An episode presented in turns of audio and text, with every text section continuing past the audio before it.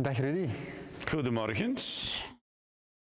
Mag ik je eerst en vooral uh, proficiat wensen met je um, waanzinnige paasmis dat je hebt gegeven van ATV, de uitzending. Waar um, je trouwens het mooie verschil ook hebt uitgelegd tussen uh, pret versus vreugde. Vond ik uh, zeer indrukwekkend. En mensen moeten profiteren van de kansen die geboden worden om enkele basic inzichten mee te delen aan het brede publiek. Al had ik geen vermoeden dat u tot het brede publiek behoorde. nu, na de corona zaten uw zalen terug vol. Mijn zalen, u spreekt alsof dat, ja, ik puur performance doe, maar... Ik zal zeggen, het is altijd een, een mooi optreden, toch? Dat u, dat u geeft. U, u brengt een bepaalde energie over, denk ik, dat, waardoor ook het publiek, de, de, de, zaal of de kerk die je vult, zeg maar, is daar ook het, het levendig uh, bewijs van, vind ik. Kijk, theater, in de letterlijke zin van het woord, betekent een godsopenbaring. Theos is God. Hè? En in feite, wat denk ik veel van mijn collega's wereldwijd in de katholieke kerk niet goed beet hebben, dat is dat een misviering heeft ook iets theatraal. Dat wil zeggen dat God zich niet zomaar manifesteert in droge woorden, in monotone toonaarden en in uh, afgehakte lichaamshoudingen, maar dat het speelse, zelfs op de rand van het ludieke, waarom niet, of het creatieve, dat dat, dat de eerste weg is om Gods geesteskracht voelbaar te maken. That's the point. Het moet voelbaar zijn. Wij zijn een wezen met vijf zintuigen. Dat wil zeggen, die, uh, dat zijn kanalen om die te bereiken. En er is de stichter van de Jezuïeten, Ignatius van Loyola, die zich daarvan bewust is. En die zegt, kijk, als mensen een tekst lezen, zoals een bijbeltekst van Jezus, en je wil die hun verstand raken, dat doe je niet door louter verstandelijke of rationele uitleg. Je moet hun hart raken via de zintuigen. De zintuigen raken het hart en door het hart ga je meer aandacht besteden aan iets, ga je er meer over nadenken. En dan zegt hij, dan ga je hopelijk de juiste keuze maken. En dat is de point van godsdienst. Je bent tijdens uw eerste, ik weet niet hoe ik het mag noemen, Eucharistieviering of nee, sorry, mijn eerste communie die je hebt gegeven na corona, uh, bent je heel vindingrijk geweest. Uh, met name de, de hosties. Wat heb je daar toen uh, gedaan? Kun je daar iets meer over vertellen? De opgave was, hoe ga je de communie uh, uitdelen zonder lichamelijk contact? Toen het bisdom zei, weet je wat, we gaan dat doen met maskers. En uh, de mensen moeten eerst hun handen nog eens ontsmetten. En, en of, uh, ik denk, nou, jongens, als je zo aan tafel gaat en vooraleer dat je je eerste sandwichje begint te verorberen na een heel ritueel van hygiëne, ja, ik bedoel, dan is de focus op ontmoeting, want voor ons is de hostie een tastbaar middel om iemand geestelijk te ontmoeten, dan is die volledig foutu. Dus, Antwerpenaar als we zijn, denk aan verloren maandag met worstenbroden en appelflappen op zilverpapieren schoteltjes. Hebben wij die zilverpapieren schoteltjes? We gaan natuurlijk niet uitdrukkelijk verwijzen naar appelflappen, want anders is de aandacht ook weggeflapt. Maar uh, gebruiken wij die schoteltjes waar één hostie in ligt en de handen zijn ontsmet. Wij zetten die schoteltjes op een bank, een communiebank. En de mensen nemen dat zelf, mits garantie van de gepaste afstand. Dus de kunst is, zoals ik zo uh, de, zeg, de kunst is, zoals de zeescouts zeggen, roeien met de riemen die er zijn. Je moet weten wat kan echt, wat mag, wat is de bedoeling en hoe ga je. Ja. Nu, een heel belangrijk onderdeel, denk ik dan toch ook voor zo'n vieringen, um, zijn ook de liturgische gezangen. Mm. Um, helaas kunnen die niet gegeven worden. Um, vind, je, vind je dat jammer of is daar ook een oplossing voor uh, of heb je daar iets voor gevonden? Of? Ja. Ik moet zeggen, dat is voor mijzelf zeer frustrerend. Omdat ik vind dat eh, de ziel van de mens komt het best tot uiting in zang, muziek en dans. En die beide expressiemogelijkheden die worden nu de vleugels afgeknipt. Dus uh, dat maakt het allemaal star en steriel. Nou, dat vinden we niet zo fijn. Er moet beweging zijn, maar niet te veel in de camera. Nu, uh, dus ja, gelukkig de organist die zingt op een platform hoog en ver weg. Dus die afstand speelt niet. Dus laten we het aan hem over. Kijk. En voor terug te komen op de beweging, de wijsman heeft ooit gezegd: To find your balance, you must keep moving. Dat is inderdaad, maar ik weet niet of dat ook geldt in de opleiding van mediatraining en camerabediening. Daar komt ongetwijfeld wel in op dan dat je eigenlijk met onverwachte omstandigheden wel goed kunt omspringen natuurlijk. Zoals bijvoorbeeld de camera die uh, beweegt. Inderdaad, laat ik bijvoorbeeld. Eh, en ik heb geleerd, hoe heb ik dat opgedaan, die ervaring? Ik denk dat dat bij de scouts is, maar ook op school. Dat is dat ofwel het jeugdige publiek bij een of de andere uh, setting, ja, die hebben impulsieve reacties. Vroeger werd het allemaal door de tucht platgewalst. Nu vind ik dat er te weinig tucht is, maar bon, de, de vrije expressie en om dat te kanaliseren, om dat niet te laten, ga je daar direct op inspelen. Zodanig dat de aandacht van het publiek, die eigenlijk zou ontsnappen, nog des te beter bij het onderwerp zou kunnen blijven, als je tenminste gevat bent. Dus als in, de, in het begin van de gsm, ja, nu heeft dat zo geen effect meer, maar in het begin van de gsm's, als er daar eentje afging tijdens een misviering, en ja, dan, ik weet niet wat ik dan juist zei, maar dan, ja, ik ben blij dat u contact zoekt met de hemel, maar laten we dat liever collectief doen of zoiets. Hè? Dus uh, ja, je moet dat wat inpakken. En, ja. Waar ik altijd heel benieuwd naar ben, Rudy, je brengt dingen met heel veel passie of energie over. Maar van waar is eigenlijk ooit die passie gekomen voor die katholieke kerk? Ah. Is, komt dat misschien van de voetballer die heeft leren bidden? Of, uh... Nou, nou, nou. Die voetballer die heeft zijn rol gespeeld in het verhaal, zonder dat hij dat wist waarschijnlijk. Hè. Maar inderdaad, uh, toen dat de godsdienst nog geen taboe was, ook niet in het onderwijs, zelfs niet in het katholieke onderwijs, dan zei dus voetballer scheidsrechter, hè, ja, weet je wat, s'avonds, zit eens een minuut op je knieën voor je bed. En je dankt God voor het goede dat je beleefd hebt, want al wat goed is, verbindt ons met God. Good God. En daar waar iemand tegen u schenen heeft gestampt, en dat zal wel op meerdere vlakken gebeuren, en ook soms met mensen van wie je het niet verwacht. Hm? Jij stampt hen of zij stampen u. Nou, uh, probeer dan toch maar voor vergeving te vragen, zoals in het Onze Vader staat. Vergeef ons onze schulden, zoals ook wij aan anderen vergeven. Hm? Het mag niet te goedkoop zijn. Dus er heeft zeker een bijdrage geleverd, want dus week, enfin, dagelijks als kind, dan, uh, ja, dat geeft dus ik zeg, een andere golflengte in het leven. En toen ik uh, mijn plechtige communie deed, toen waren de scholen nog niet gemengd.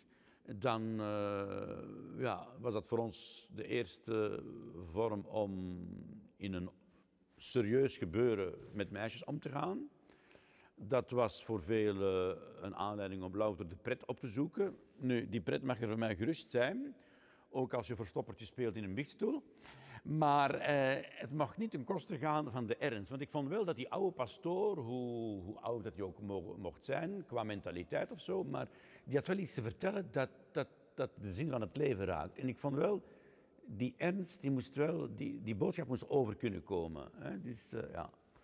Nu, uh, toen ik uh, dan in het eerste middelbaar naar de grote stad ging, naar de grote school, was op een college, Sint-Jan Bergmans, waar ik ook mijn snobisme heb kunnen beleven. Ja. Maar uh, daar waren nog een aantal priesters die les gaven en er was daar een heel sociaal bewogen iemand bij. En die zei, kijk, ik organiseer voor jullie, want jullie zijn nieuwkomers op deze school, een weekendje op het Scoutsdomein in Westmaal, op jullie elkaar beter zouden leren kennen. En dat was allemaal heel clean, hè, voor alle duidelijkheid. En ik denk, boy, ik denk, de mensen, de mensen werken toch tussen acht en vier en uh, één minuut na vier worden ze niet betaald, dan, dan doe je toch niks meer voor je werk. En dus ik was eigenlijk gepakt door zijn eh, extra aan inzet waar geen geldelijke tegemoetkoming voor kwam. En ik denk, daar zit iets diepers achter. Wat? En ja, dat was natuurlijk christendom. Het toeval wil ook, maar wat is toeval in een mensenleven? Dat via de muziekleraar ik in een kerkkoor kwam. In die boskapel op de Groenplaats, met de hoogste kerktoren, de Onze Lieve Vrouwentoren. En ik zag daar als dertienjarige mensen met een bril, dat zijn dus in mijn ogen per definitie geleerde mensen, die het hoofd bogen. En ik dacht, geleerde mensen die het hoofd buigen voor wie? voor wie? Ja, die kathedraal was toen nog hoger voor mij dan nu. Hè? ik een plupetie. En ik denk, boy, wat, wat is dat? En uh, ja, die leraar muziek was ook een priester, maar ja, dat was een ander kaliber. Maar um, die, die sociaal bewogen. En dus ik ontdekte dat de kerk. Ik had geen zicht op, op, op alle redenen die er kunnen zijn om de kerk kritiek te geven op dat moment.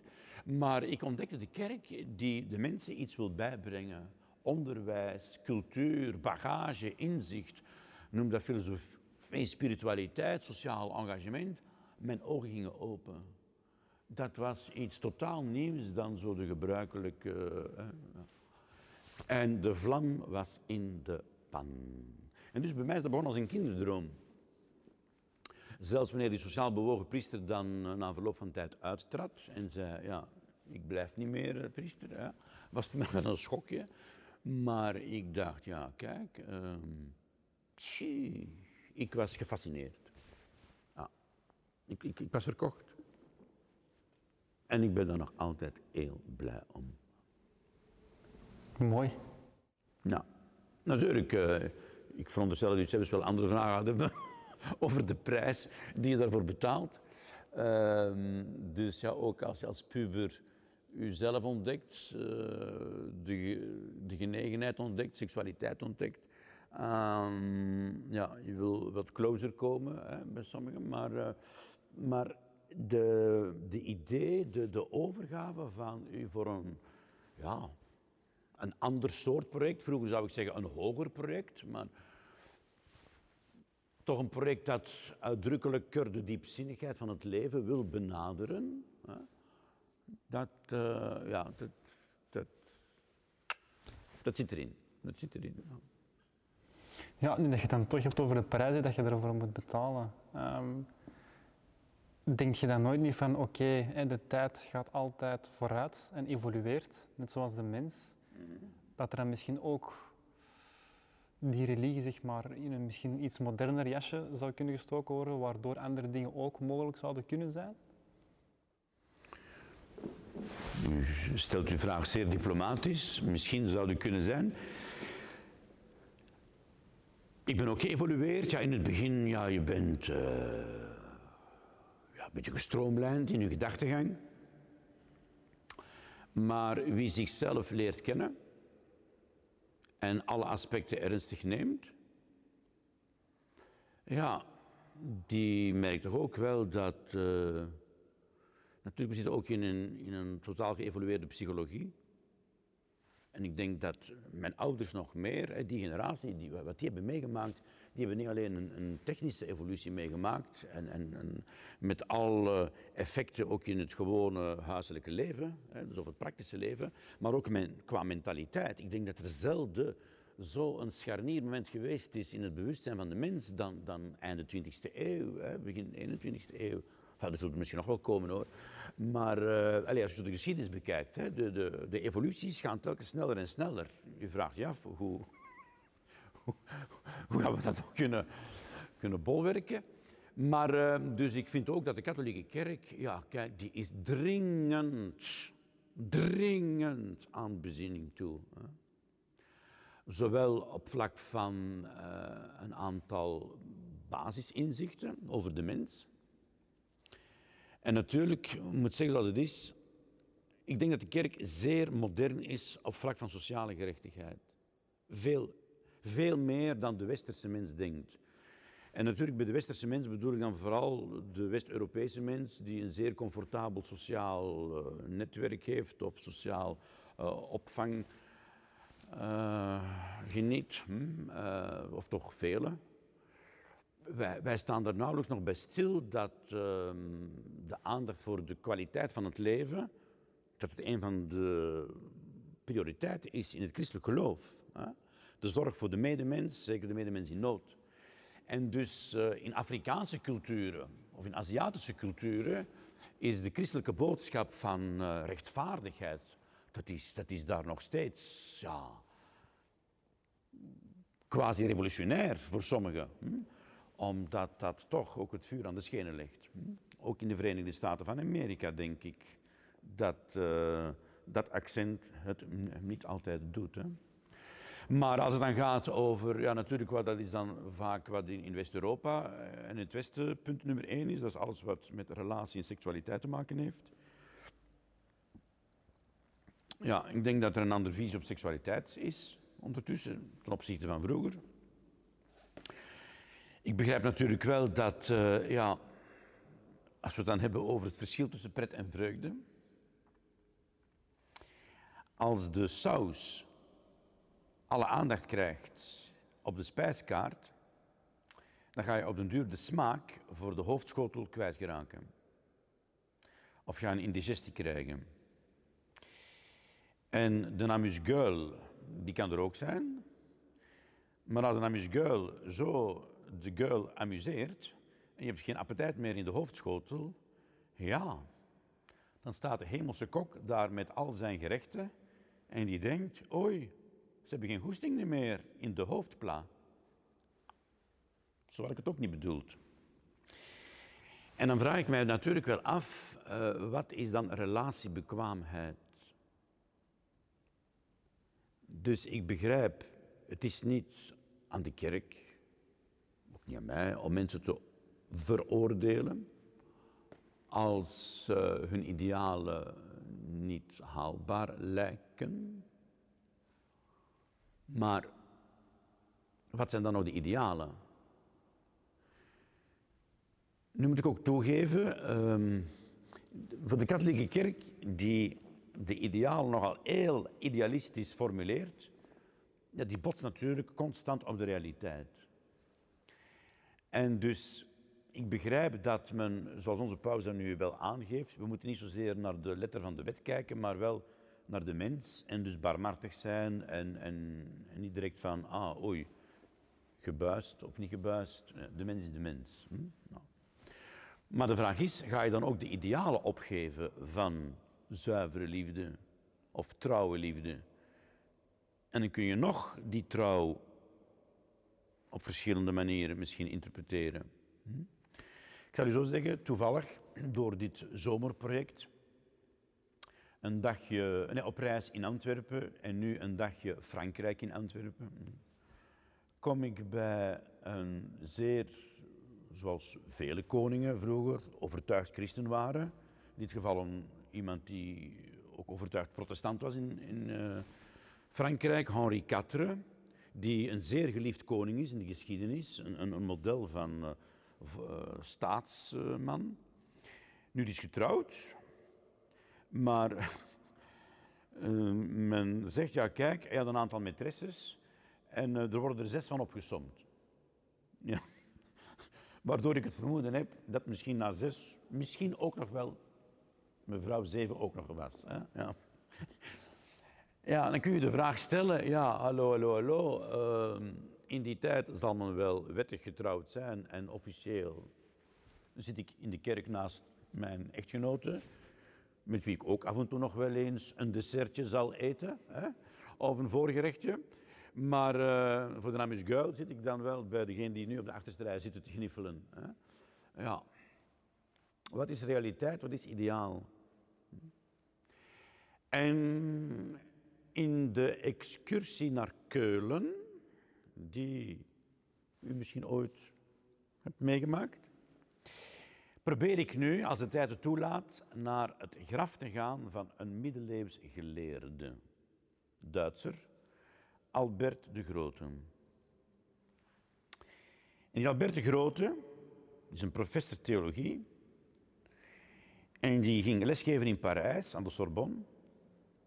En die komt in aanraking, dat is althans, moet ik zeggen, de populaire uh, wetenschapsleer. Misschien dat een bepaalde collega van het Sint-Liebes College mij gaat tegenspreken, maar... Hm. En die komt in Parijs in aanraking met eh, de geschriften van een Arabische, of misschien is het een Berberse filosoof, Averroes, die Aristoteles benadrukt. En uh, dat wil zeggen, de katholieken, de christenen, hebben eigenlijk Plato omhelst. En Plato, zoals die geschilderd is in het Vaticaan, in de beroemde school van de filosofen door Raphaël. Plato kijkt omhoog, dus de oude man kijkt omhoog naar de idealen. En dat is de katholieke kerk, en dat zijn vaak de godsdiensten, die hebben bepaalde idealen, die zijn wat ze zijn, die zijn eeuwig, ongeacht de vooruitgang of de evolutie, we zullen het zo zeggen, de evolutie van de mens. En die idealen die moet je proberen te bereiken. En de realiteit, ja, we drukken die idealen op de realiteit. Dat botst dus. Aristoteles, die ziet er wat jonger uit en die wijst naar beneden. En die zegt, kijk, je moet de zichtbare wereld ontdekken. Je moet, de je moet vanuit de realiteit vertrekken en dan zien wat zinvol is en wat naar boven leidt. Plato is het symbool voor de conservatieve en Aristoteles voor de progressieve. En dan is natuurlijk de vraag, hoe breng je die samen? En ik denk dat de katholieke kerk haar ik zou zeggen, in dit zeer eenvoudige schema, haar Plato-axioma toch zal moeten verlaten om ook de realiteit voldoende onder ogen te zien, op alle vlak. Ook relationeel, ook seksueel, ook op vlak van de criteria om priesters uh, te vormen. Dat is een korte uitleg, zeker. Hè? Interessant. Ah, je hebt ook tijdens uw, uh, ik weet niet meer hoe ik het mag noemen, maar ik ga het optreden noemen of een, uh, of een uh, ik zal het daarop houden, um, over spirituele conditie. Uh, en dat die ook onderhouden moet worden. Um, ja. Nu, wat ik onder spirituele conditie versta, ik ben zelf ook een, een vervent liefhebber van meditatie, omdat dat mij ja, enorm helpt, vind ik. Uh, maar ik vroeg me eigenlijk af, wat verstaat je dan net onder dat spiritueel? Ik zat misschien daarop houden, omdat je nogal gefronst zie kijken over de conditie die erachter komt. Maar voor wat, wat, betekent nu net die, dat spirituele voor u? En hoe praktiseer je dat ook? Want ik, ik, ga, niet, ik ga niets veronderstellen, maar ik kan het woord aan u laten. Nee, dat ik mijn wenkbrauwen fronste, dat was over, ik was aan het nagaan uit welke context dat je dat misschien ergens had opgepikt. Dus ik vroeg me af, omdat jij toch enige research hebt gedaan eh, waarop dat je zin speelde, maar bon, los, los daarvan. Het was uh, bij een Eucharistie denk ik, door ATV uitgezonden.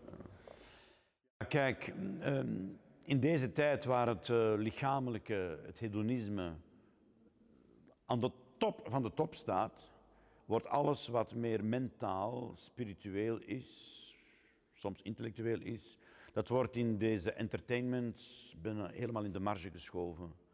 Vroeger, uw aanzien in de maatschappij is op de allereerste plaats door de inhoud die je te bieden hebt, al dan niet met een zeker gezag, een maatschappelijk gezag. Bijvoorbeeld, uh, je bent uh, een geleerde, je hebt gestudeerd, al dan niet in het onderwijs. Hm? En je kreeg je gezag door het systeem. Terwijl nu komt uw gezag op de allereerste plaats. Vanuit de populariteit, niet vanaf de allereerste plaats niet, maar komt in grote mate vanuit de populariteit die je geniet in het geheel. En dat geeft u gezag van spreken. En dus ehm, in deze tijd om te blijven scoren, wordt het lichamelijke getraind, fitness, al dan niet op puur natuurlijke wijze. En diegenen die overdrijven, dat begin je in de gaten te krijgen. Is het niet alleen door neveneffecten lichamelijk, dan is het door neveneffecten in de mentaliteit. Want die beginnen Die beginnen constant op de tippen van hun schoenen te staan. Of te lopen als ze van toestel A naar toestel B gaan. En die hebben denkbeeldig zes spiegels rondom zich. Ja? Nu, uh, de ijdelheid, ondanks mijn beperkte troeven, is mij niet totaal vreemd. Maar Iliana, de limiet. Er zijn grenzen aan alles. Maar zozeer als de aandacht gaat naar fysieke training en scoren, al dan niet om naar de amuse te geraken. Ja, zo vraag ik me af, wat, wat gebeurt er nog aan training in de geest? En ja, vroeger op school, in een katholieke school, begonnen s morgens met een gebed. Nu kan het zijn dat die gebeden heel formalistisch werden, maar de, een echt gebed is niet zomaar een tekstje aframmelen van buiten en ondertussen naar je speakbriefjes kijken. Maar een echt gebed, gebed betekent ook een bezinning.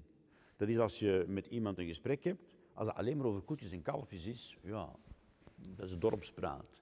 Maar als je iets van het innerlijke, iets van de bewogenheid, iets van de diepgang van het leven kan ter sprake brengen, dan zeg je nou, het is een dieper gehalte. Daar, als mens kan ik mij daaraan optrekken.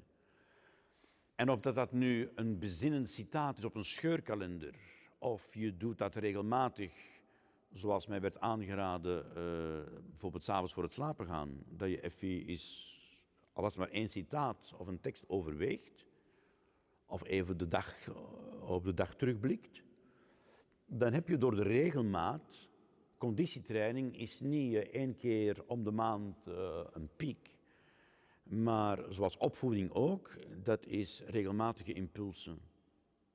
Als het kan dagelijks. En dat geldt ook voor bezinning. Dat geldt ook voor spiritualiteit. Als je zegt, ja kijk, één keer per week is voldoende. Ja, maar eens dat je een bepaald gerecht gesmaakt hebt, dat smaakt naar meer.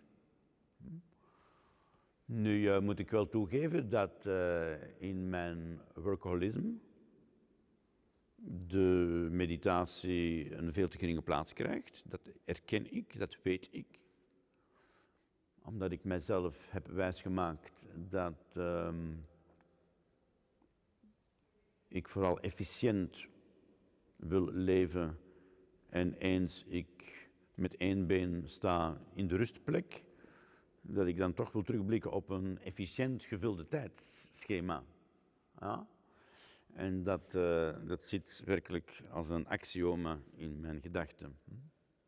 Dan denk ik, ik zal wat meer bidden en bezinnen als het niet meer gaat, maar nu moeten we arbeiden. Maar dat belet niet dat uh, ja, de momenten er wel moeten zijn om uh, eens tot inkeer te komen. Hè?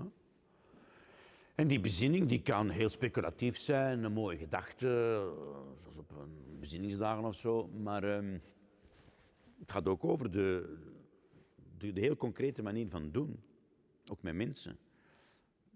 Er is niks zo moeilijk als zelfkennis. Dat is echt het moeilijkste wat er is. En als je ontvankelijk bent voor signalen van anderen, zeker naar gelang dat die andere personen een, een, eh, een, bepaalde waarde krijgen in uw leven, of omdat je denkt, ja, als die iets zeggen, er zal wel iets van waar zijn. Hè? Dus dat is voor mij, denk ik, inrijpoort 1 om tot bezinning te komen. Daarnaast heb je uw geweten. Dat je zegt, ja kijk, in de tijd die mij gegund is op deze planeet, heb ik die met voldoende energie uh, besteed aan de taak, aan de missie. En ze niet te snel alleen voor het pure, pure eigen ego. Je zegt zelf, il y a des limites, maar zijn er ook geen limieten in het navolgen van je passie dan?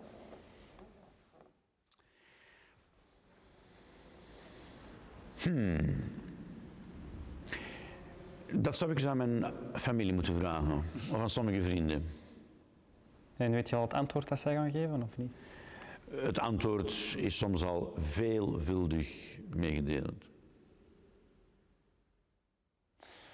Je geeft zelf ook aan, eh, het hedonisme scheert hoge toppen. Mm. Denk je dat de, de huidige wereldwijde maatschappij last heeft van hoe dat jij het noemt, het H3-virus? Dus het hebzucht, heerzucht en hoogmoed? Als je er last van heeft. Enfin, ik, denk, ik denk dat, dat het antwoord duidelijk is. Ik herinner mij een liberaal politicus. Een liberaal betekent dan toch ieder zijn vrijheid.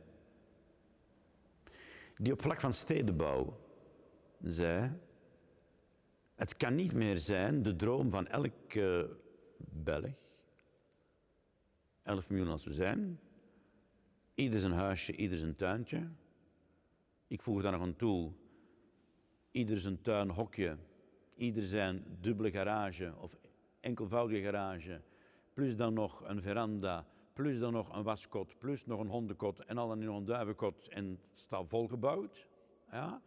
Als we dat maar 11 miljoen doen, ja, dan denk ik, ik ga roeien met de zeescout. Want hier is geen lucht meer. Met andere woorden, het wezen iedereen gegund om een droom uit te bouwen op deze beperkte tijd, op dit beperkt territorium. Maar je moet ook globaal durven, je moet ook sociaal durven. Dus hoe liberaal ook, ieder zijn vrijheid. Maar je moet ook sociaal durven denken, want je botst, dat is wat Epicurus zei. Um, Epicurus die begon pas sociaal te denken vanaf het moment dat het je eigen genot begint te schaden. Ja, je kunt ook een andere levensvisie voorop stellen en zeggen, kijk, we beginnen als uitgangspunt met wat voor iedereen goed is. En dan zien we wel waar ieders uh, mogelijkheden zijn. Hm? Dus de hebzucht, ja, ik moet zeggen, ik lig ook wel eens graag naast een lichtblauwe stip op de landkaart waar water in zit en die vanuit het, vliegveld, vanuit het vliegtuig opvalt. En waar geen telefoon is. Of, uh, uh, waar uh, zelfs zonder bediening vind ik het nog altijd prettig. Hè? Maar ja, um, en in dit coronatijdperk zal een individueel zwembadje natuurlijk ook uh, niet slecht zijn. Hm? Maar ja, je moet de coëfficiënt erbij nemen. Het kan niet zijn dat 3% van de bevolking deze luxe geniet. En, toen heb ik me kwaad gemaakt. Dat was net uh, bij Pasen, denk ik.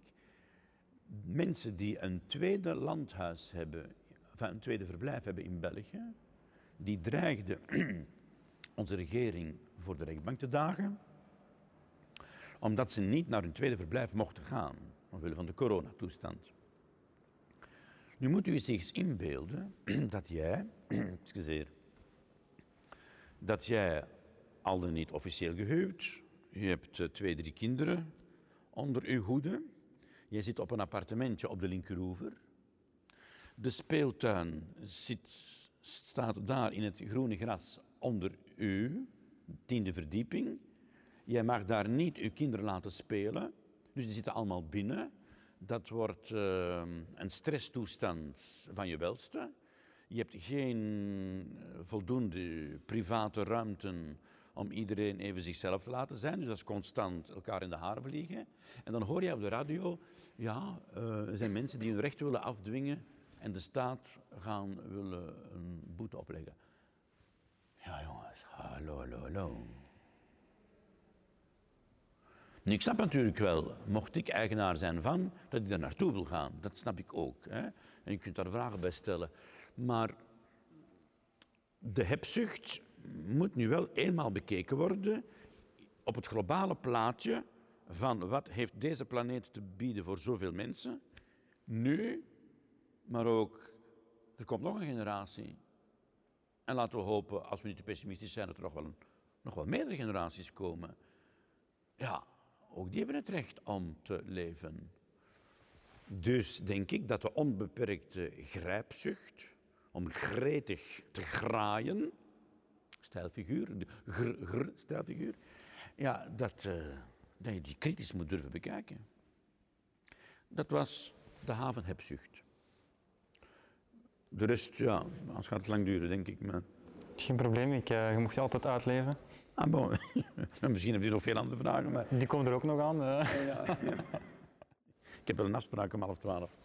Of kwart voor twaalf. Maar uh, ja, kijk, dus ik... Laat ik zo zeggen. Er zijn periodes geweest dat toen de kerk nog macht had of impact had op de bevolking, dat hij voor de meest stupide pietluttigheden een drama heeft opgevoerd. En het ergste vind ik dat mensen die een beperkte kennis hebben op één bepaald terrein van het leven, dat die hun onkunde dan met gods, godsdienstige argumenten dan gaan opvullen of, of uh, gaan ondersteunen. Ja, dat vind ik werkelijk, enfin, niet wraakroepend, mag ik niet zeggen natuurlijk, maar dat vind ik dus werkelijk, dat zijn de ergste mensen, dat zijn de mensen die het meest anderen verhinderen om misschien het mysterie van God te ontdekken. Omdat zij doen alsof ze God kennen en in hun stupiditeit dan, hè, zoals langs op de televisie, is een Amerikaanse die zegt, ja kijk, our president, God heeft ons allemaal een eigen adem gegeven, dus wij moeten kunnen ademen, dus geen mondmaskers. Nou, dat zeggen.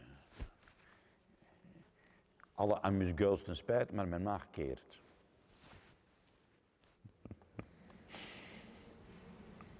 Nu, een ander virus, um, het coronavirus. Hoe kijkt je eigenlijk daarnaar? Zie je dat ook als een soort van metafoor? Dat heb ik in de paasmis als metafoor gebruikt, jawel. Om die drie andere virussen even erdoor te chassen. Een mens moet gebruik maken van het medium dat hem geboden is om het brede publiek hm, even toch de essentie door te geven. Ja? Ik zal zo zeggen, de laatste vrijdag dat wij op school les hadden voor de lockdown en ik mijn stem heb geforceerd, met alle gevolgen tot op de dag van vandaag. Ik was oververmoeid en de leerlingen ja, die waren uh, hyper. Ik kom in vijf klassen. In drie van de vijf klassen wordt mij de vraag gesteld, meneer, Denkt u dat dit het einde van de wereld aankondigt? Bij een islamitische verschiet ik daar niet zo van. Dat zit allemaal nogal direct. Hm? Bij die ene christen die nogal een beetje dweperig is met haar geloof, ze komt ervoor uit, maar dat dweperige, eh, ik heb graag dat het rationeel ook geworteld zit. De derde, is een totaal seculiere Belg. Die zal gedacht hebben, we gaan die man eens testen. Hm? We gaan die eens testen, zien wat hij ervan vindt. Ja? Ah. En daar verschoon ik nog het meest van. Want het feit alleen al dat hij het als een mogelijkheid beschouwde dat ik eraan zou denken aan een soort einde of een straf van. Hè, ja. ja, dan heb ik het volgende antwoord gegeven. Heb ik het volgende antwoord gegeven. Wij kennen elkaar al vijf, zes maanden, zeg ik tegen de leerlingen, sinds september. In die periode heb je branden in Australië. Heb je gemiddeld, ik weet niet juist hoeveel, maar ik denk 3000 drugsdoden in Mexico per week. Je hebt de burgeroorlogen in Sudan, de terreur in Somalië, de ontvoeringen in Nigeria. Je hebt nog altijd de oorlog in Syrië, waar we al lang niet meer over spreken. Uh, er is nog het een en ander. Je hebt de armoede, de, de afgrijzelijke armoede, de hongersnood die dreigt.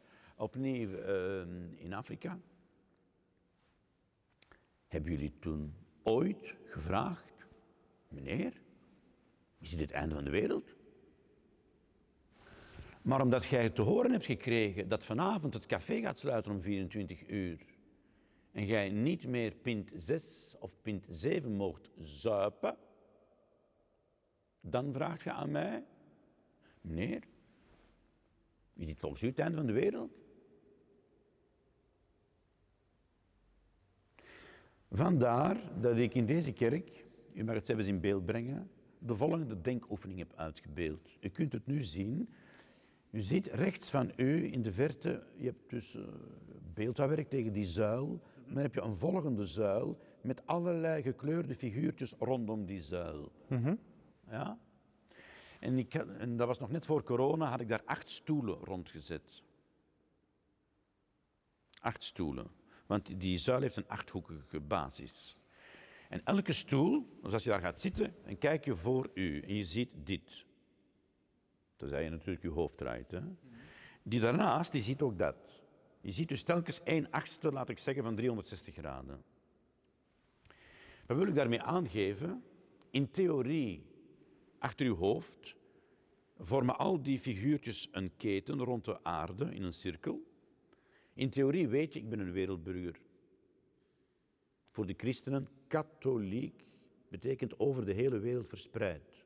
Wereldburger. Ik weet niet of er veel dat snappen, maar... In theorie ben ik wereldburger en ik zal het ook wel zeggen, als ik uh, in een mooie conversatie. Maar in de praktijk is het dit dat telt. Hoogstens, hoe gaat het met u? Wacht, ik zal dat voor je oprapen. That's it. Ieder zijn deel. Maar een globale visie op het geheel, daar moet je eigenlijk een beetje voor op afstand gaan staan. Dat is dan ook een vorm van meditatie.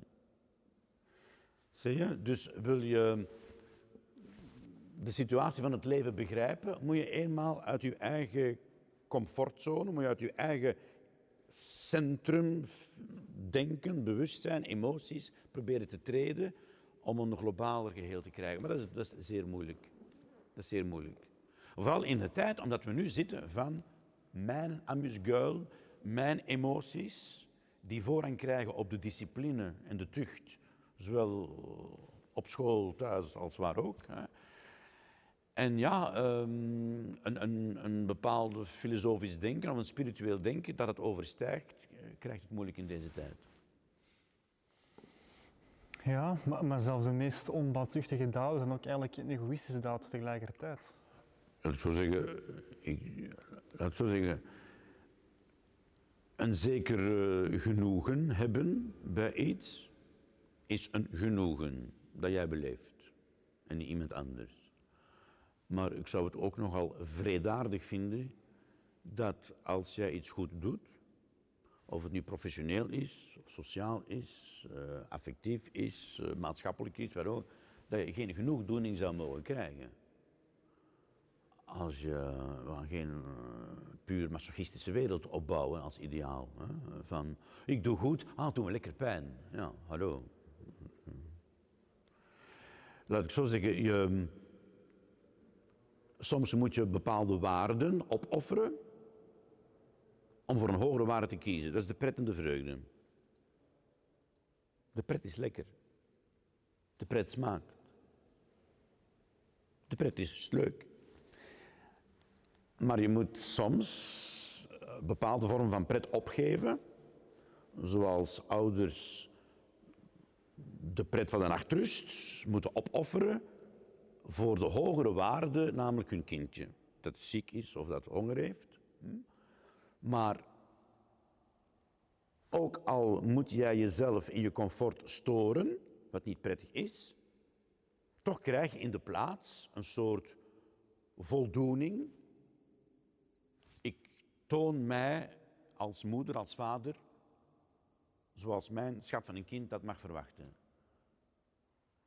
Als je alleen maar na die doorbroken nachtrust begint te vloeken en te zakken of zeggen, oh die kleine, dit en dat en dat. Ja, is ook niet direct een criterium van pure liefde en genegenheid. Hm? Dus dat daar voldoening bij is, dat uh, kan ik niet, niemand kwalijk nemen. En ook ikzelf, hè, uh, ik begrijp ook wel Vroeger zou er gezegd worden, oh, degene die zich geeft aan de kerk, aan Jezus, eh, aan de missionarissen, oh, die geeft alles op, zijn gezin en zijn cultuur. Ja, maar het is, het is natuurlijk niet puur een martelaarschap. Hè. Je er is een prijs, maar de voldoening is hopelijk uh, voldoende om, om het andere wat te compenseren, zal ik zeggen. Maar dus eh, die coronatoestand, ja, ik denk dat, ehm, dus, ik denk dat de mens die zo gebonden is aan zijn eigen navelstreng, van zijn eigen ego, nu even. We hebben dat niet meer meegemaakt. Hè? Dus dat is uniek in de geschiedenis. Sinds 1945, dat is toch al 75 jaar, hebben wij één constante lijn van voortdurende welvaarttoename. Dat is nog nooit gebeurd. Ik denk, in, vroeger, als jij in een dorp woonde, ja, ik weet niet, eh, ofwel was het de ridder van het naburige dorp die uw dorp kwam overvallen, kwam brandschatten, of die kwam plunderen of verkrachten, of weet ik veel. Je moest opnieuw beginnen als boer, als arme boer. Of je moest mee gaan vechten. Ik bedoel, de dood en de, de ziekte en de pijn, die waren om de haverklap aanwezig. Reden waarom men vroeger natuurlijk ook gemakkelijker zijn ogen naar, want dit is de hemel niet. En door die 75 jaar in pijs en vrede te leven en eigenlijk bijna van alle problemen verlost, hebben wij de indruk gekregen, ja, het paradijs is hier. En dat is het. Vroeger zou men zeggen, ah, de hemel. Eindelijk het paradijs, met als gevolg, en daar heeft Karl Marx gelijk in, dat eh, de goedgelovigen de aarde bijna gingen veronachtzamen want we willen daar ooit gelukkig zijn, aan de overkant. Hm? Dan zei hij, hallo, hallo, blijf eens met je voeten op de grond. Hm? En dan moet ik zeggen, like het is, de christenen zijn spijtig genoeg niet altijd, of verre van, de voortrekkers van de echte vooruitgang geweest. Hè? Niet tegenstaan hun, hun uh, mooie idealen. Maar uh, nu worden wij met de neus op de feiten geduwd dat dit is niet de ideale wereld. Ook al denk jij aan jouw privé of hotelzwembad dat het dat wel is. Maar jij, ook al wil je niet graag hongerende Afrikanen zien op je televisieschermpje, want dat stoort. Maar je kan niet doen alsof. Het is één wereld, het is één planeet. De cirkel is rond. We zitten allemaal op, de, zeg zo, we zitten, we zitten allemaal op dezelfde boot. Een ruimtetuig dat jaarlijks een cruise doet rond de zon. Alleen zit 10% op het bovendek, 50% op het middendek en 35% zit onderaan in het ruim, als het niet meer is. En die van het bovendek, die vinden dat het beneden stinkt, dus die gaan niet naar beneden. Op enkele uitzonderingen na die de lift nemen om toch met artsen zonder grenzen of nog als missionaris of wat, toch ginder een druppel op een hete plaat maar de rest. Maar als de boot aan het zinken is, ja, zolang dat die beneden verzuipen, fiesta mayor, yolo yolo. Maar als het water nu ineens, plotsklaps, ook bij ons binnenkomt, dan zeggen we, oei, oei, oei, gaat de wereld vergaan. Nou, dus in die zin denk ik dat de coronacrisis gunstige effecten kan hebben. Al vrees ik, zoals zo vaak, dat de les die eruit moet geleerd worden ook snel zal vergeten worden. Maar als die 5% zich zo hard vastklampt aan het aardse, zal ik maar zeggen, gaat dat ook niet verveeld geraken en ze gaan ook niet op een gegeven moment zeg maar, een, een inzicht krijgen van oké, er is veel meer dan juist dat in het leven? Willen we samen eens naar Ibiza gaan? Ik heb, ik, ik heb al langer twee uitnodigingen voor naar Ibiza te gaan, maar ik heb ze nog niet te baat genomen. Zullen we eens uh, met de stomdronken en in de brievenbus van arme, eenvoudige mensen, urinerende mensen, eens gaan polsen hoe dat zij verder door het leven gaan, met welke waardenschaal, met welke normen, met welke idealen. Natuurlijk, ik zeg niet dat iemand die, van het, die af en toe een feestje meemaakt, ik ben voor het feest vieren. Mocht de geachte uh, luisteraar daaraan twijfelen, I like it. I like it very much. Daarom dat uh, een van mijn heugelijkste uh, herinneringen is zo dat ik s'morgens moe na een nachtje uit tegen het standbeeld van Rubens zitten te leunen op de groenplaats. Het was al volop zon, s morgens in de zomer. Ik kwam uit een discotheekje aan de Stadswagen. En ik voel dat ik moe was. Maar ik voel dat ik leef. Dat vind ik fantastisch. Dat is zoals je, als je te braaf in een cocoon zit, in een serre, ja, dan is het wel, maar, maar je voelt niet geleefd. Je moet, je moet een uitdaging hebben in het leven. Je moet iets overwinnen. Of het nu de nacht is, hè. Of als je fietst of loopt in de regen, in de wind, dan voel je meer dat je leeft dan dat alles zo, ah, het zonnetje schijnt en het is allemaal clean. Ja, bedoel, hè. Dus ja, gaat dat nooit vervelen? Vraag het eens aan degene die ze zitten op te spuiten. Vraag het eens aan degene die hun vierde, want na de eerste komt, na enige aarzeling de tweede. En dan de derde, plastische chirurgische ingreep. En nog, uh, ja. En, en, en de aandacht gaat maar naar het servies en naar de inkleding, maar waar blijft de kwaliteit van de hoofdplaat? En ik vrees dat um, door het overaccentueren, maar ik begrijp dat, hè? ik bedoel, ik, ik geniet ook van een mooi interieur. Ik heb graag, ik bedoel, een zeker uh, aangenaam verblijf. Ja, ik kan dat niemand kwalijk nemen, maar waar is de grens? Waar is de grens tussen het geld dat je hebt, de talenten die je hebt, de tijd die je hebt, alleen besteden voor je eigen. En waar houdt het op dat je zegt, ik moet ook mijn verantwoordelijkheid nemen voor mensen die het moeilijker hebben? Maar ik zie ook bij, in mijn vriendenkring, of bij, een, aantal vrienden, de gierigheid. De gierigheid. En ik moet je zeggen, hoe rijker, hoe gieriger. En dat doet mij pijn. En ik, ik, laat af en toe, maar goed, ik ga niet in de vakantiesfeer of in de vrije tijd nu altijd over beginnen te melken. Maar dat doet mij pijn dat je denkt, maar hoe is dat nu mogelijk? Dat die... Ik, ik, ik, dat nog op andere vlakken, dat uh, echt rijke mensen, de, degene die het meest geven voor het, voor het goede doel, dat is de middenklasse. En die natuurlijk ook ergens een sociale vorming hebben gehad. Het zijn hun jeugdjaren of, of ja, maar... Maar dan nog, ik, ik vind ook voor het goede doel, die bij ons, ik, vind, ik, ik hoop dat die allemaal anoniem veel overschrijven, en, en dat, maar voor zover ik het zie uh, of hoor.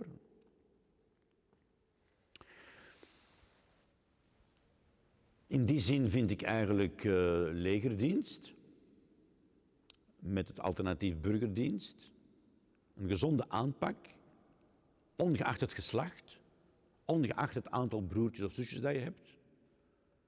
Een goede zaak.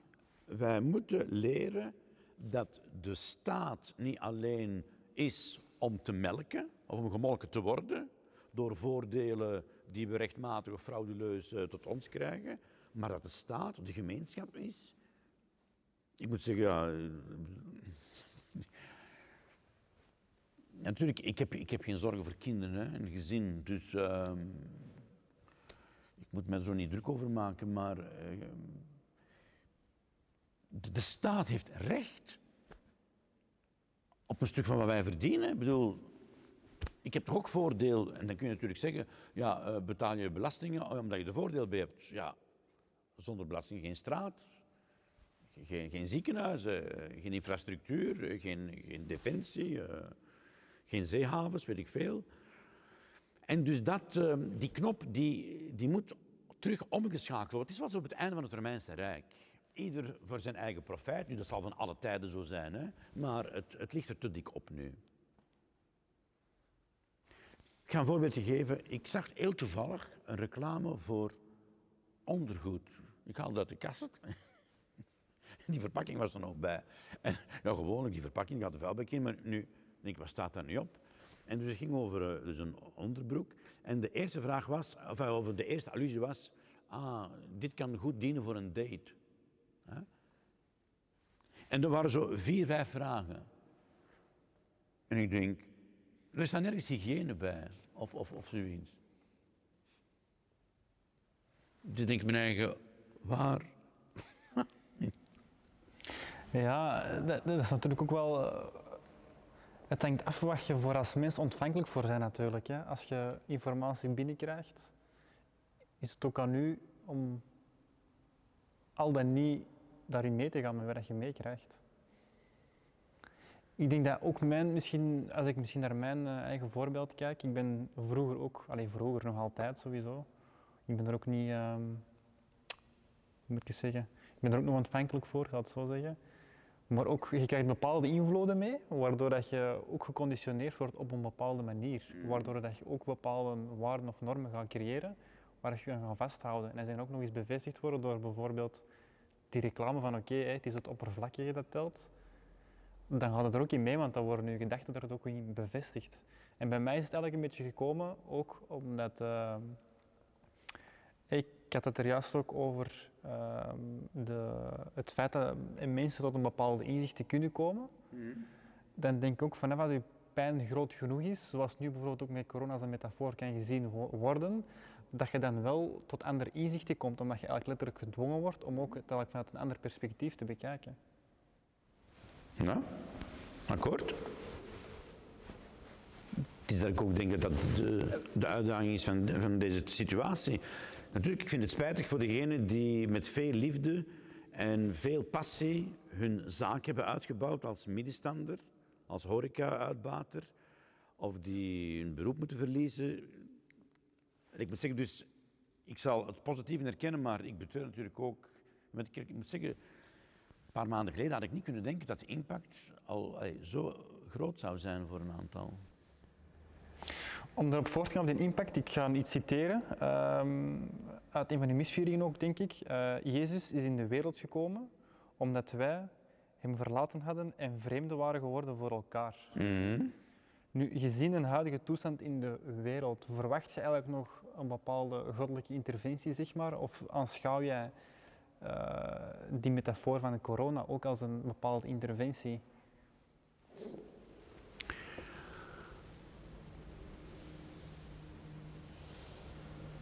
Kijk, ik geloof, ik bedoel, in, het, in de Bijbel staan zo'n aantal goddelijke ingrepen. Maar ik denk dat je ook moet mm, met nuchterheid eh, inzien dat die goddelijke ingrepen, tussen aanhalingstekens, dat zijn percepties van de mens.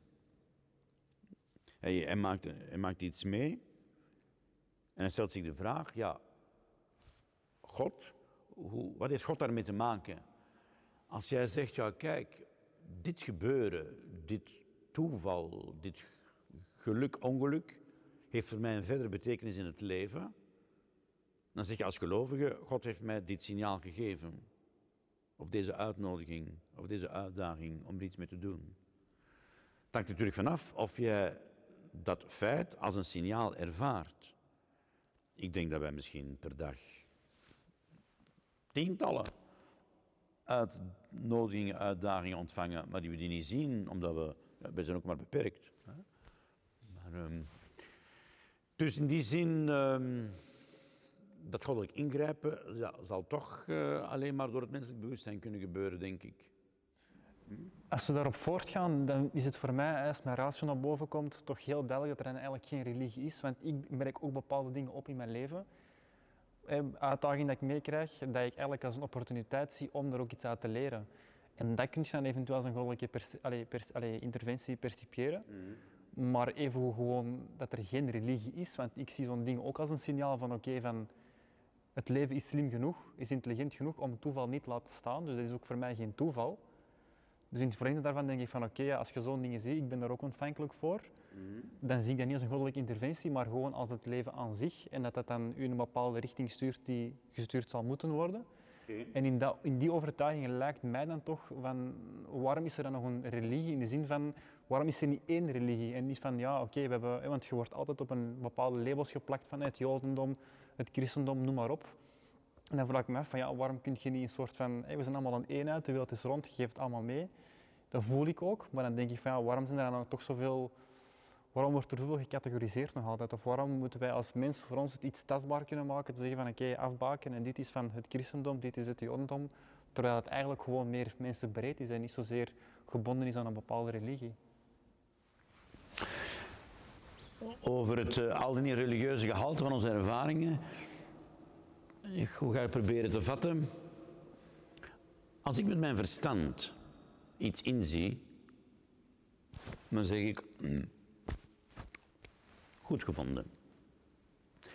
Maar als ik ervaar dat dat inzicht wordt gesteund in vriendschap door iemand, of als met het inzicht aangereikt wordt, datzelfde inzicht dat ik zelf ook al wel kan vinden, want de inzichten van het leven zijn nu niet zo nuchter verstand. Hè? Maar als mij dat aangereikt wordt in vriendschap, dan doet mij dat meer deugd. Dus het inzicht zelf hoeft niet anders te zijn. Maar als je dat ervaart in liefde, geeft dat toch een ander gehalte. Als mijn moeder zegt, ja maar, zal dus niet op tijd gaan slapen, want je bent te moe. Dan zeg ik, zeg, die kan zagen. Als een vriend van mij dat zegt, dan zeg ik, oh, dat is een goede vriend. Die durft tenminste zeggen, die durft tenminste zeggen, uh, de waarheid. Hè, want uh, als iemand anders zal zeggen, ja, kom aan, ga nog eens mee. Dan zeg ik, oh, dat is, die is veel plezanter. En die vriend, dat is eigenlijk maar een seut. Het hangt vanaf hoe je het interpreteert. Maar het inzicht op zichzelf, dat zit al bij u. Maar, ja. Daarom is het ook zo vaak frustrerend, denk ik, voor mensen die closer zijn qua familieband of zo. Die hebben wijze raad. Maar ik zeg ook altijd, ja, je, kunt, je kunt diezelfde dosis wijze raad aan een turbulente vriend of vriendin geven, die dan zoiets losjes zegt. En dat dan heeft meer impact dan, dan dat je het al tien keer hebt gehoord thuis. Dus ik denk dat het ook zo bij de godsdienst is. Het is het, het gehalte waarmee dat je datzelfde inzicht beleeft. Komt dat gehalte u toe als vijandig? Komt dat als vervelend? Komt dat als uh, we maken het u moeilijk? Is het om te pesten? Of is, is dat zalvend, troostend, positief voor u? Ja, en als God God is, dan God goed. In, in, in het goede mag ik God ervaren. Nu, die verscheidenheid aan uh, religies en antwoorden, ik neem aan dat in de, voor de moderne mens van de verlichting, de afklering, dat dat, uh, dan zeg je die zeg, die een truut. Uh, dat is zo'n cliché, hè. Uh, zorgt alleen maar voor, oorlogen. Hm? Ik denk als je de, de, de zuiver theologische oorlogen bij elkaar zou zetten, ik weet niet, ik weet niet hoeveel, dat je gaat geraken wereldwijd. Feit is dat godsdienst wel gemakkelijk voor het impactpapier kan zorgen. Maar eh, de inhoud van de zaak is meestal het H3-virus.